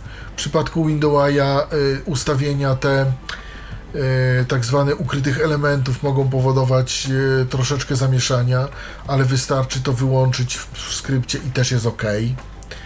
I też wszystko działa, także ten interfejs, y, jeśli chodzi o ten interfejs przeglądarkowy jest w 100% Właśnie jak ja jest z, z. Alcatelem, bo ten modemowy od, czy routera Huawei widziałem i jest dostępny, jest bardzo przejrzysty, fajny. Tak, jest jak bardzo jest przejrzysty. Alcatelem? Alcatela interfejs jest mniej przejrzysty, ale też jest, że tak powiem, ja będzie tak, jeżeli Huawei'a y, interfejs jest przejrzysty na 100%, to Alcatela jest przejrzysty na 80%. Chodzi o to, że Alcatel daje jakieś takie przyciski, gdzie w Huawei'u są linki po prostu. Tak, i, są te różne takie inne. mm, no, że tak powiem, y, Huawei jest taki y, HTML-owy, ja bym to tak nazwał bardziej, tak? No może tam są jakieś elementy Java, ale natomiast y, tutaj w Alcatelu są właśnie jakieś elementy, jakieś takie pseudoflasha. No nie, nie, nie nazwałbym to pseudoflashem, no są przyciski, tak? Które na przykład przycisk do wylogowania albo, albo coś i, i to tam robi się takie, to, takie różne. Tak samo można się bawić kodem PIN w, w Huawei'u. Tak powiem, Huawei zawiera wszystkie te opcje co Alcatel, plus mnóstwo, mnóstwo innych. Jeszcze innych, tak. Niekoniecznie nawet tych, które wykorzystacie tak czy inaczej. Ma na przykład UPnP, e, tak, czyli Universal Plug and Play, e, który jest, który się przydaje generalnie w routerach. Aczkolwiek w przypadku sieci nie wiem, czy ma to jakiś sens. Dlatego, że, dlatego, że i tak jesteśmy za, za jakimś tam natem w przypadku sieci komórkowym, sieci komórkowych, no ale da, no ale, ale jest. Jest. Y, Kolejna zaleta Huawei'a jest taka, że można go bez problemu sprząc, sprząc stopnet infem. Tak. Wyobraźcie sobie, że on działa pod tymi samymi driverami, y, pod Co którymi modem. działa modem. Sprawa I wygląda. momencie Tylko sprawa wygląda tak, że podłączamy Huawei, wciskamy power i automatycznie modem nam się łączy z siecią i nie używamy przycisku połącz stopnet info, tylko po prostu jesteśmy połączeni, chcemy sprawdzić siłę sygnału, zasięg i tak dalej. Włączamy tylko topnet info, po tak chwili jest ciekawości dźwięk połączenia i Anali- S- SMS-y? Z karty SMS-y albo USSD próbowałeś wysyłać przez Topnet Info przez ten router Huawei? Y, Nie próbowałem wysyłać, ani nie próbowałem czytać, ponieważ y, Huawei ma swój y, klient, ma swojego klienta SMS-ów, jak wiesz. I A ten tak, klient jest to- całkowicie dostępny. Tak samo jak i Alcatel. Alcatel też może wysyłać SMS i Huawei tak. I tak samo. I tak samo można wysyłać i odbierać te SMS-y. y, To bez problemu w Huawei, jak i w Alcatelu. Także, także to akurat działa bez problemu i w jednym i w drugim routerze i to jest, to jest dostępne. Można w Huawei nawet można czcionki nawet jakieś tam zmieniać w tych SMS-ach, jak to kogoś tam interesuje. Nie wiem jak to dojdzie, bo to ja się nie bardzo na tym znam, ale, ale można tam się bawić trochę tymi SMS-ami. Yy, Natomiast nie próbowałem wysyłać. To otóż mówię, nie próbowałem, bo, bo generalnie jest tak, że jak się włączy Topnet Info, to on już po y, dosłownie kilku sekundach on wyskakuje, że jest połączony. Tak, że jest połączony. Że jest połączony już po sieci. To się do czego przydaje? To się przydaje do tego, żeby sprawdzić jakaś siła sygnału. Jak, Ile się jak pobrało te- i wysłało łącznie. ile się pobrało i wysłało, chociaż to akurat możemy spokojnie sprawdzić w panelu, Też w w tak statystykach. Tak. W jest. Ja bym nie korzystał z Topnet Info, ale można jak ktoś chce. Tak, można jak ktoś chce. Nie, ja bym korzystał, ponieważ to ułatwia zasięg. Yy, sprawy, sprawę zasięgu. Sprawdza, sprawdzenie zasięgu, tylko tyle. No. Tak, tak, tylko tyle. Tak, masz rację, tylko tyle. Albo aż tyle jak dla nik- dla, dla, Albo dla aż kogoś. tyle jak. jak, jak Natomiast kogo. jak ktoś nie ma modemu, a ma sam router, to co tu zrobić, żeby yy, działało to Stopnet Infem i działało nam to? Tak samo dostajemy dwa dyski, tylko że mm, po wejściu na drugi dysk instaluje nam się coś, co się nazywa Huawei E E5776. Też takie oprogramowanie. Oprogramowanie, które też robi skrót internetowy do strony routera, gdzie, te, gdzie tam mamy ten panelik i który robi dodatkowe połączenie. Yy, Jak przed update'em firmware, przed aktualizacją firmware'u miałem, to się nazywało mobile Wi-Fi. Mobile Wi-Fi, mobile Wi-Fi. Po aktualizacji firmware'u to się nazywa Huawei E E5776. Mm, Tak to zmienili i według mnie jest mniejsze. Natomiast jeśli mam już zainstalowany modem, to nie instalujcie sobie y, tych driverów z Huawei'a, ponieważ y, narobicie sobie zabawy w usługach, które ja sobie narobiłem, bo potem y, wyinstalowując pro, drivery z Huawei'a, bo to się nie nazywasz mobile part, tylko Huawei E E5776 akurat tam. Przy każdym na przykład do modemu. y, wywaliło mi sterowniki do modemu, ale to nie tylko. Y, Bo co się Aha. jeszcze stało? Stało się coś takiego, że przy każdym otwarciu internetu na pasku zadań pojawiała mi się usługa Data Card Monitor. Chyba znasz coś takiego. Y, To jest Tak. z Mobile Partnera. To było o tyle denerwujące, że y, przestał mi gadać, gadać na przykład. I jedynym sposobem na pozbycie się tej usługi to było zatrzymanie usługi właśnie w systemie y, HWS Device Mobile Service plus usunięcie tej usługi jeszcze i z program data wywalanie plików Data Card Service. Więc Aha. y, ja nie polecam y, instalowanie dwóch, y, kilku driverów naraz, bo, bo naprawdę można, można... Zwłaszcza tej samej firmy, to już w ogóle jest. Tak, tak, tak, tak. Jeżeli mamy zainstalowany modem, spokojnie pod tym działa nam Huawei bez problemu, bez tego. A odwrotnie jest tak samo? To znaczy? To znaczy, jeżeli zainstalujesz sterowniki routera, Tak, czy modem będzie działał? nie sprawdzałem. Ciekawe, Po- też ciekawe. Powinien, ale. No, Powinien, ale jest- też nie jesteśmy, nie wiemy, no nie wiemy. Nie wiemy, ale tak powiedziałem szczerze, no nie miałem powodu tego sprawdzać, tak? No skoro mi tu, tu działa. Natomiast to można by kiedyś. No. Ja, ja jestem takim troszkę minimalistą. Jak mi coś działa, to, to po co kombinować? No ale może Nie, rzeczywiście pytam, masz. pytam na użytek audycji, gdyby ktoś po prostu kiedyś, nie? Gdyby ktoś w kiedy. tej chwili, No jest to, jest to interesujące. W każdym razie z programu Huawei 5776 tak samo można wyeksportować drivery. Tak jak z Mobile Partnera. Tak. Tak samo, żeby nie było. Czy się czymś różnią? Chyba nie, ale mm, może się czymś różnią. Może W każdym razie. najwyżej. Może. W każdym razie, teraz przejdę do zasięgów, bo tu, Tu jest pięknie, Można- tu jest pięknie i jak dla mnie. niepięknie. Ponieważ, jak Państwo wiedzą, Huawei jest wyposażony w gniazdo anteny zewnętrznej TS9. No i teraz skupmy się na tym, jakie zasięgi uzyskałem przy moim zasięgu LTE 8987 bez tejże anteny zewnętrznej. No bo bierzemy router do kieszeni gdzieś w trasę, tak, i chcemy, żeby on nam działał. Tak. I tutaj przy moim mm, najszcze, przy mojej najszczerszym zachwycie do Huawei'a to niestety 160 w porywie 200 wysyłki kilobitów. Kilobitów to było najwięcej, na co go było stać. Przy całym szacunku dla tego modemu i przy całym sz- szacunku dla ceny tego modemu. Bez anteny zewnętrznej. Bez anteny. Zasięg, zasięg 87-89.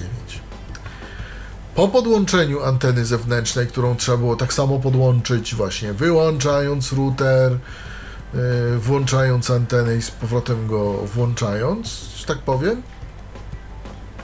Tak, to jest bardzo charakterystyczne dla tych modemów. Tak, to jest bardzo który miałem, charakterystyczne. To, to Yy, Gdy antena była w pokoju, na oknie, to też po stronie we- wewnętrznej też było Tak, po stronie wewnętrznej okna. Dodam okna PCV, takiego plastikowego, popularnego. To powiem szczerze, wzrosło, zasięg wzrósł do 87, już tak na stałe. Nie 89, ale 87. 220, no gorzej niż Alcatel, myślę, cholera. Myślę, Kiep, kiepsko mnie taka cena, myślę, no coś tutaj nie ten. No ale poszedłem jeszcze za, mm, że tak powiem, za, za radą producenta anteny, który napisał na ulotce, że antena, którą posiadam, ma być wystawiona na zewnątrz. Co też zrobiłem. No i jakieś było moje zdziwienie, gdy zasięg, w, znaczy Topnet Info pokazywał 83 dBm, ale wysyłka była na poziomie 10 megabitów. 10, To jest- 8 megabitów. Czyli tak, charakterystyczne. 1024 800. Tego przy Alcatelu nie osiągnąłem. I teraz powiem tak. Zasięgowo Huawei 5776 Jest gorszy. Gorszy. Troszkę. Powiem tak, gdyby nie ta antena zewnętrzna, to jest gorszy. Jest gorszy nawet od modemu. 3276. Ale z anteną robi wrażenie. Po, po prostu robi wrażenie. Tak, po prostu to... Robi wrażenie, bo y, Alcatelem nie dałem rady więcej jak 360. Ale on nie ma anteny. Ja uważam, że Alcatel zasięgowo jest naprawdę niezły. No bo to się bierze, to jest małe, taki batonik, no i tak dalej. No, że tak powiem, no, no, no co tu, nie ma, nie ma się czego. Natomiast, y, no, jako przenośne coś. Natomiast jak Huawei'a podłączyłem pod antenę zewnętrzną, no to, że tak powiem, u mnie robi wrażenie. Przede wszystkim no, ta wysyłka, która no, skakała między 10 megabitów a 7,6 megabita, 6. ale 7,6 nie było niżej jak 7,6. Nie było. 6, tak. Nie było niżej. To nie, nie, nie było opcji. 7,6. Urządzenie umożliwia wysył z prędkością e, 50 megabitów, pobór z prędkością 150 megabitów, żeby nie było. Urządzenie moim zdaniem e, jest w stanie zrobić więcej. Firmware mam nadzieję, że będzie produkowany. Można sprawdzać cały czas, czy jest aktualizacja oprogramowania e, właśnie przez ten panel Huawei'a. W języku polskim można to sprawdzać. Jeżeli mamy najnowsze oprogramowanie, wyświetli się, że masz najnowsze oprogramowanie i, i nie będziesz, nie, nie, można, nie można aktualizować. Ale jeżeli, jeśli jest nowe, to wyświetli się, że jest nowe i czy chcesz A pobrać. taką rzecz jeszcze mi powiedz, bo jak ja to oglądałem u Ciebie wtedy, to tam było oprogramowanie jakby od, od konkretnej sieci. Jest to jakaś faktycznie różnica, czy to jest tylko po prostu tak nazwane, że, że to dla tego operatora jest tam jakiś brand, czy co to jest? To znaczy ten Takie. Huawei, który ja mam, on jest z plusa. Mhm. Z tego co wiem, znaczy powiem tak, ja nie mam innej karty jak plusa w tej chwili. Nie wiem, czy on jest odsimlokowany. Z tego co mówił sprzedawca, to jest odsimlokowany, ale nie wiem, tak? Bo, bo tego nie sprawdziłem. Nie miałem też tego, nie miałem też takiej potrzeby, bo. bo Nie, bo zastanawiam się, czy po prostu firmware jest pod sieć, czy firmware jest po prostu producencki i tyle. Bo jak ja to, jak ja ten komunikat czytałem wtedy, jak, jak, jak sobie tam go przeglądałem, ten panel, to właśnie był taki komunikat, że, że jakby trochę sieciowy był ten, ten firmware. To znaczy, to znaczy komunikat jest taki, ale podejrzewam, że dlatego, że mm, e, jakby mm, komunikat jest taki, dlatego, że mm, że- że jakiś być, jakiś być musi, tak? Na stronach e, huaweidevices.pl albo .com nie ma dostępnego e, firmware'u, wewnętrznego oprogramowania do tego routera. Można sobie pobrać najwyżej jakiś, jakąś instrukcję, a i to jest z tym ciężko. Aha. Y, Nie wiem, czy to nie jest tak, że Huawei ma swoją politykę i albo to rozdaje po sieciach, albo. Powiem, powiem coś jeszcze. Ja nawet nie wiem skąd on to pobierał. Wiem, że to pobieranie było bardzo wolne, bo to było pobieranie 60 mega, to trwało 2 godziny. Global China. Gdyby, tak, tak mi się wydaje, dlatego że gdyby to było z y, sieci, z y, sieci plusa, no to, to, to 60 mega, no to można by było pobrać po LTE przy, przy tym moim Znacznie zasięgu, szybciej. to w granicach 30 sekund. Sekund do minuty maksymalnie. Do, do Jak minuty maksymalnie, tak. I teraz sprawa pingów, proszę Państwa. W mm, pingi do strony Tyflo Podcastu w routerze Huawei, tym właśnie, wynosiły maksymalny 26 ms, minimalny 23 ms, średni jest 25 piękne ms. już. I to jest właśnie to. Tego nie mam przy modemie.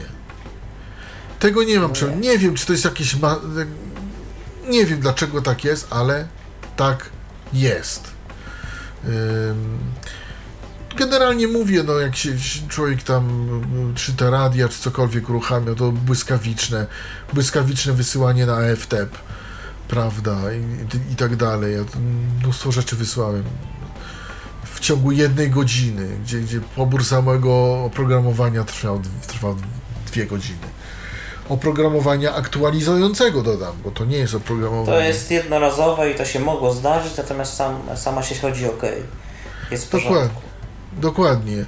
Także ja bym powiedział tak, jeżeli ktoś dużo podróżuje, polecam Alcatela, ale jeżeli ktoś chce mieć dobry internet, jest w domu, e, chce mieć dobry internet bezprzewodowy, to polecam tego Huawei'a, bo to można dołożyć antenę zewnętrzną. No bo wady Huawei'a to są, mówię, takie, że nie można korzystać, e, nie można jednocześnie ładować i e, korzystać z, I korzystać z routera, z sieci. z sieci. Można albo, albo ładować, albo korzystać. Dokładnie. I, te, i, I tym decyduje przycisk Power. Druga rzecz, e, przełączanie między standardami.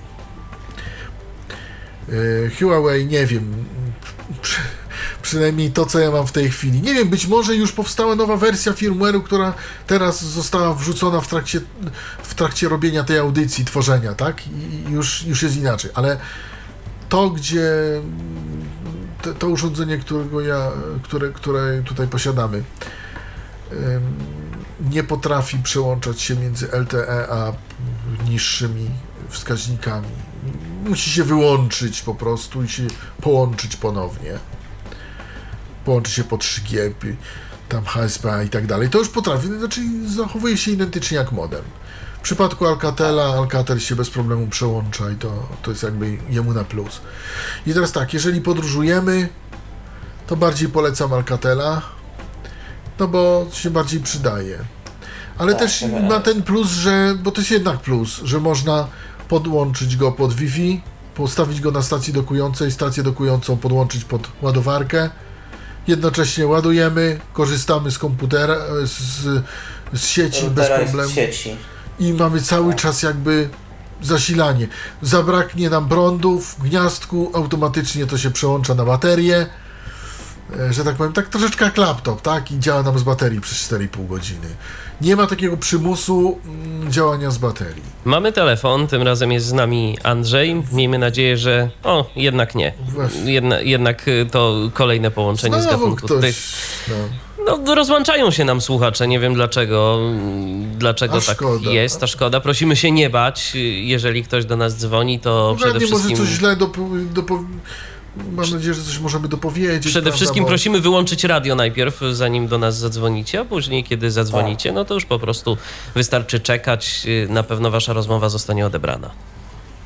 Ewentualne pytania najwyżej później w, w komentarzach, jak będziecie mieli pod audycją, jak się już ukaże na, na stronie tyflopodcast.net, y, napiszcie, to, to Wam postaram Ewentualnie, się jak nie komentarze, to możecie na maila. Yy, to chyba bardziej będzie nawet yy, czytelne. A a na maila można napisać albo tyflopodcastowego, albo yy, innego. Znaczy tu do mnie można napisać r.labecki mapa tyflopo- tyflopodcast.net Akurat tego nie mam, ale jestem na też. listach dyskusyjnych, więc, więc Yy, też można napisać. Bo może tak chaotycznie opowiadamy o tym, tak? Bo, to, bo tego jest dużo.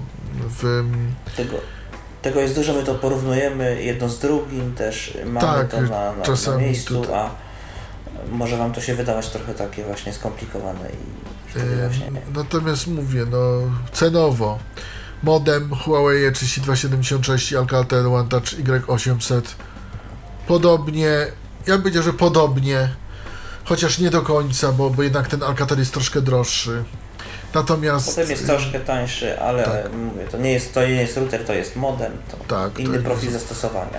Dokładnie. Natomiast no Huawei, y, który występuje i w wersji S32 i w wersji mm, bez S32.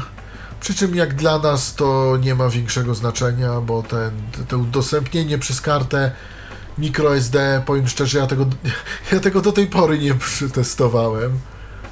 Jakoś, no bo jakoś to, No tak, no, nie było Najmniej- potrzebne nigdy.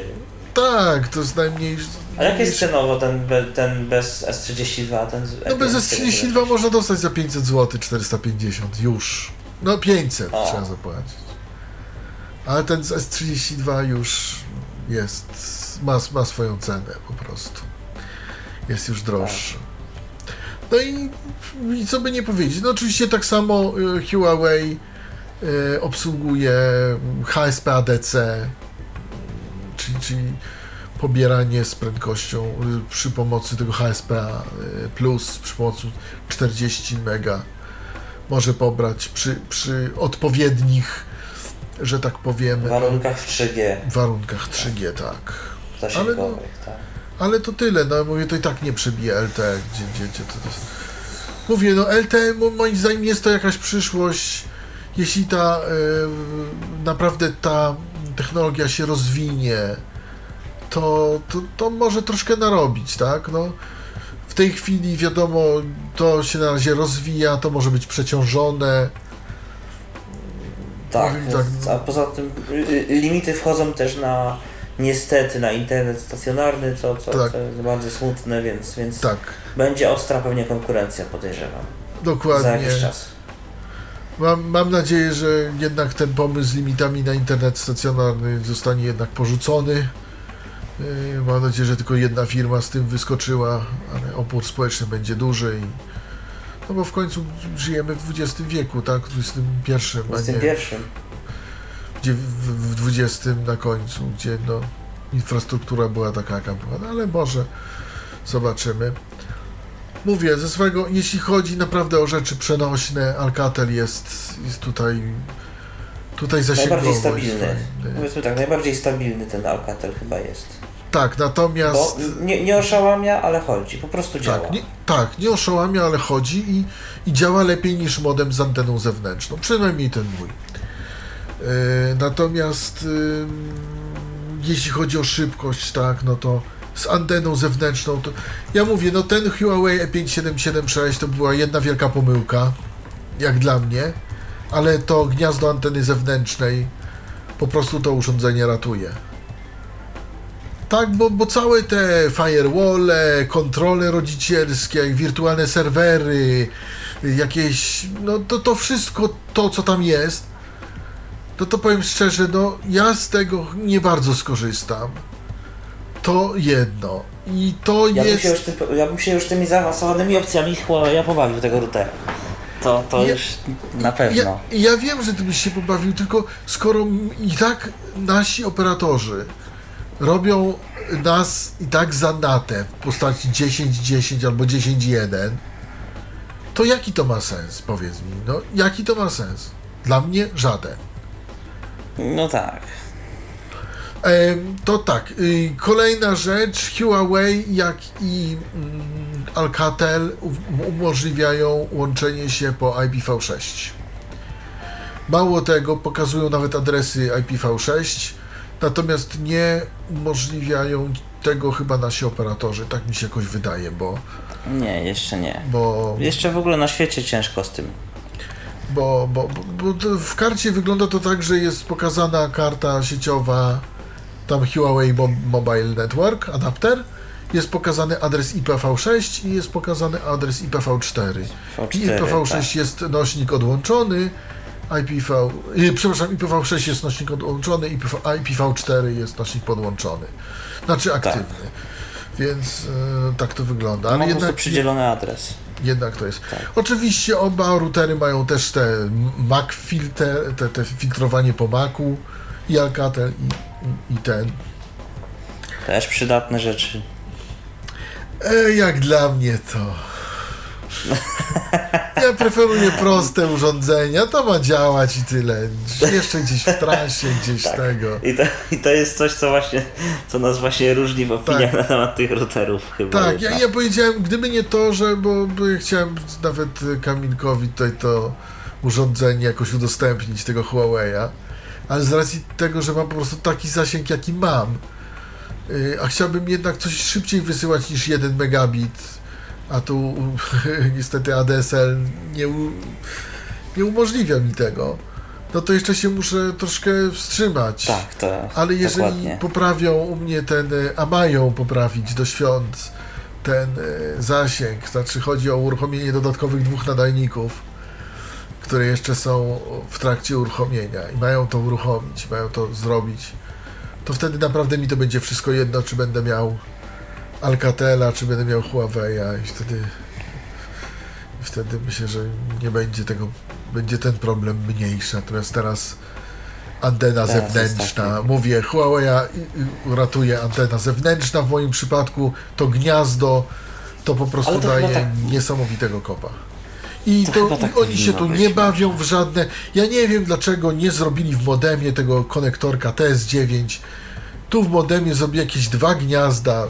Jedno chodzi inaczej niż to No modem, modem jest przekombinowany, to Modem jest przekombinowany. Ja nie wiem, to, to jest jakaś. Tu jest jedno gniazdo, ono działa, ale ja tego nie rozumiem, dlatego że we wcześniejszych modema, mod- modelach Huawei, między innymi w modemie E E398, to jest tak samo pod LTE, tylko tym LTE starszej generacji, 100 megabitów.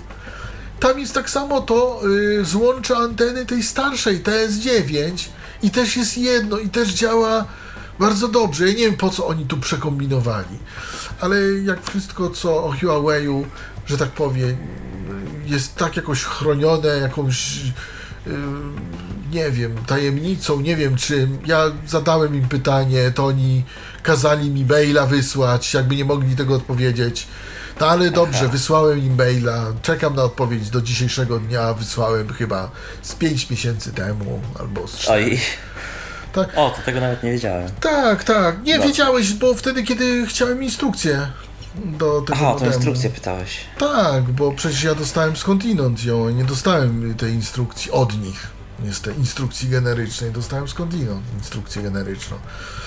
Oni do tej pory, no, z jednej strony naprawdę marketing i tu sieci, i tu wszystko yy, i ceny, a z drugiej strony tak jakoś, ale to nie wiem, już jeżeli chodzi o Alcatela, to jest chyba prościej pod tym względem, bo tam wchodzi się na stronę alcat- alcatelonetouch.com, wybiera się Ale nie udało ci się polski. zaktualizować e, oprogramowania niestety. Oprogramowania mi się nie udało zaktualizować, prawdopodobnie dlatego, że nie wiem jak się wgrywa oprogramowanie to? bezfirmowe od początku.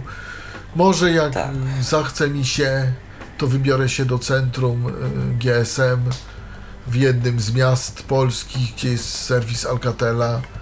No i jak panowie zobaczą, że jest y, to program, że, jest tele, że jest Alcatel bez Simlocka, to wtedy może mi wgrają normalne, normalne firmowe, najnowsze oprogramowanie bez żadnego problemu.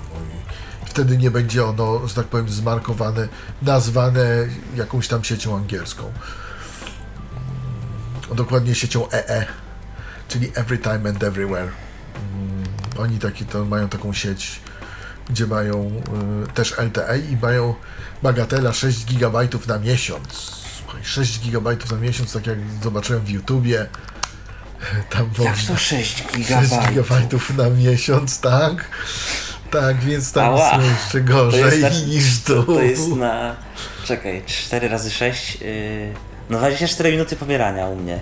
No, no widzisz, no, no właśnie, ale tak mają i to jest za chyba 30 funtów czy, czy, czy 20. Nie, nie, nie, można zobaczyć na YouTubie, jak wpiszecie model tego routera, czyli Alcatel One Touch Y800. e, Tam na YouTubie są filmy pod tytułem Unboxing y, Alcatel.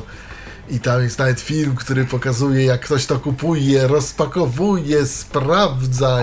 Aha. kilka jest takich filmików różnych i tam of, tą ofertą się To zachwyca. tam te oferty są nie za ciekawe tego LT. no u Tak nas chyba jest jednak troszkę chyba lepiej. U nas chyba jednak jest lepiej troszeczkę. Aczkolwiek nie wiem, czy u nas nie jest. y, A nie, chyba tam tak samo jest NAT jak i tu, bo, bo gdyby był to publiczne takie IP, to by Alcatel e, dał możliwość. Chociaż nie wiem, nie wiem, najnowszy firmware, on jest z lipca 2013 na stronie Alcatela i może on wprowadza wiele różnych poprawek, o których tutaj nie ma mowy, tak? Z, jakiego, z jakiejś przyczyny, więc nie, nie chcę ci wypowiadać, to mam takie, jakie mam. Wiem, że nie mam najnowszego, bo nie może mi zapamiętać pinu do karty i cały czas mnie prosi o pin do karty. Nawet pomimo tego, że wejdę w pin man- management i tam zatwierdzę ten pin, go wbiję i on mi powie, że jest sukces i że jest wspaniale i że, Tak, że jest zapamiętany. że jest zapisany, w ogóle ale nie zapisany. jest, no. Ale nie jest zapisany, bo przy następnym wyłączeniu routera od Także, razu no, prosi o pin, także... Podejrzew, podejrzewam, żeby jakbyśmy mieli tak wam podsumować to już po, powolutku, to y, cenowo jak, jak macie pieniądze, a podejrzewam, że raczej mało osób będzie miało, to, to, to Huawei ten router jak najbardziej. Jak mniej, to, to ten, ten Alcatel, a jak na jednego komputera, to, to w zasadzie modem wystarczy i on też jest cenowo podobny, a te no, kwestie zasięgu to są już takie szczegóły, To ale to znaczy- wszystko w każdym razie działa, to jakoś działa. To jakoś działa, ale powiem jedno. Aha, Alcatela nie udało mi się sprzęt Stopnet Infem, to żeby nie było. Mm, próżne, Tak, to też. próżne nadzieje, tru, tru, próżny trud. y, dlatego, że nie ma po prostu tej opcji inne urządzenia w trybie NDIS. On, no, on to robi za pomocą karty, która się nazywa e, a Remote e, Response e, NDIS Device. I to jest sterownik Tak. jakiś z Mi- z Microsoftu. Przynajmniej dla Windowsa 7, 64 bit. O, tak powiem. Yy, powiem tak, cenowo ja bym powiedział tak, cenowo Huawei jest najdroższy. Jeżeli Router w miałbym sensie. kupować, tak, router, jeżeli miałbym kupować modem a Alcatela, to wolałbym Alcatela. Bo To mam też to samo. pewnie tak. Bo mam to samo zasięgowo i Alcatel jest lepszy zasięgowo. I można to wziąć sobie w podróż. Modem też można wziąć w podróż, ale y, jak sam wiesz, y, jest ze stabilnością tak jak jest. Różnie. Różnie. Różnie. Jeszcze u nas będzie długo różnie także. Tak. Także ja bym proponował bardziej Alcatela niż ten modem. Ale jeżeli chcemy mieć naprawdę, mamy na przykład słabszy sygnał LTE i chcemy mieć naprawdę coś fajnego, e, to, to ten Huawei E E5776 7.6 i, i, an- I koniecznie antena zewnętrzna. Jeżeli nie mamy anteny Koniecznie. zewnętrznej, to to, to, to to się mija z celem. I tak, Tak, naprawdę sobie należy celem. zastanowić, co bardziej jest pro, pro, co bardziej potrzebujemy, tak?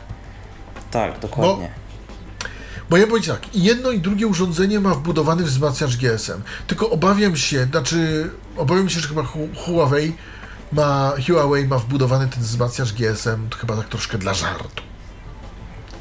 Bo to naprawdę nie było jakieś. To było takie podobne do. To było, to było nawet jeszcze gorsze niż ten modem. E, no bo w momencie, gdy on No. dostał antenę zewnętrzną, on dostał wtedy kopa. I to takiego solidnego. Dopiero To wtedy, jest wtedy tak. coś. Tak. I to go Te ratuje. anteny, jak już go kupujecie, to przy cenie tego routera, to te anteny naprawdę nie są drogie. No ja mam taką antenę za 50 zł. No ja mam chyba Dla niektórych takiego. 50 zł to dużo. No. Także wiesz, No, też to różnie. No ale to są droższe 50 i są tańsze, tylko że... Jak, ta- jak dla komuś za 50 zł to dużo, to, to, to może odradzamy mu mobilny internet, bo to, bo to, Bo to jest jednak wydatek. wydatek jakiś. Może coś stacjonarnego, albo radiówka, albo coś, to zawsze, zawsze tańsze. Albo internet na kartę, bo czasami też 5 dych dla mnie to dużo, a czasami może być, nie? Tak, dokładnie. Internet, Ewentualnie. No ale internet na kartę to też y, jest internet mobilny i w, i wymaga jednak kupienia czegoś tam. I teraz możemy dostać internet na kartę z czymś tam, z jakimś modemem yy, marnej jakości. nic nie mówiliśmy, nic nie mówiliśmy o ZTE, ale nie czytałem Nie na, mamy. najlepszych recenzji. Nawet nie mamy. Po pierwsze nie mamy, po drugie recenzje są marne, po trzecie e, modemy ADSL, które testowałem i routery ZTE to wołają o pomstę do nieba. Tak powiem najkrócej. Przepraszam, że tak mówię, ale tak niestety jest.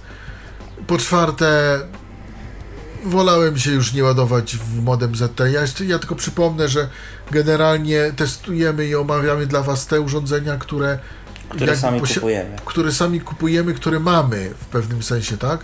Generalnie firmy rzadko kiedy przysyłają nam coś do testów i jeżeli nam przysyłają, to my o tym mówimy, że dzięki firmie takiej, takiej otrzymaliśmy to do testu. A wtedy to jest inna sytuacja. Natomiast generalnie te urządzenia w ten czy w inny sposób posiadamy, tak? Te, które dla Was omawiamy, że tak powiem. W jaki sposób tam je dostali, dos, mamy, to już jest inna kwestia. Natomiast no, one są fizycznie jakby u nas. No i w ZTE, że tak powiem, ja, Ja bym tego nie, ja bym w to nie zainwestował w ogóle. ja też. Y, Nawet Poza tym testu. sobie trzeba powiedzieć jedną rzecz. Modemów ZTE nie obsługuje Topnet Info.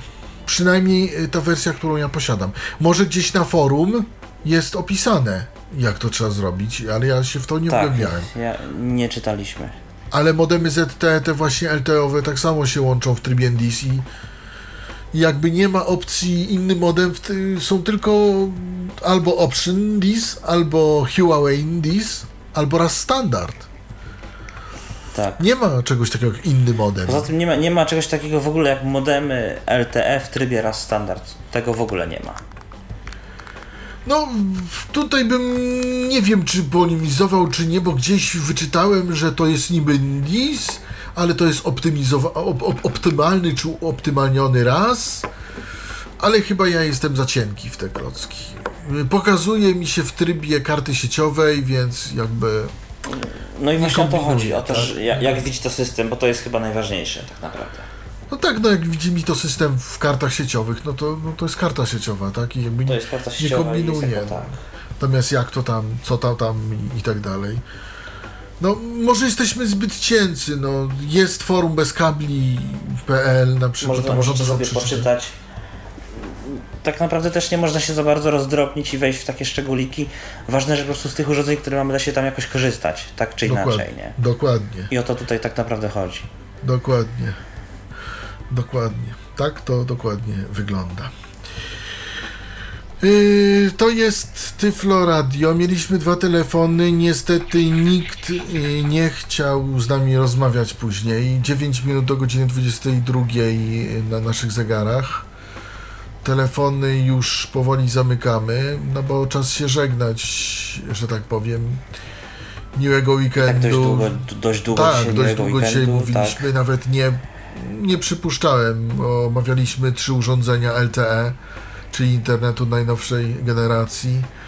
Najpierw Huawei podstawowy modem E E3276, pobieranie 150 MB megabitów, wysyłanie 50, Alcatel One Touch, pobieranie 100, wysyłanie 50, Alcatel One Touch Y800 dokładnie i Huawei E E5776, pobieranie 150 Mbps, wysyłanie 50 Mbps, tak samo. W studiu był ze mną Kamil Żak, y, realizował program Michał Dziwisz, a za uwagę dziękuję Robert Łabęcki. Do usłyszenia. Do usłyszenia. Do, do usłyszenia. Był to Tyflo Podcast. Pierwszy polski podcast dla niewidomych i słabowidzących. Program współfinansowany ze środków Państwowego Funduszu Rehabilitacji Osób Niepełnosprawnych.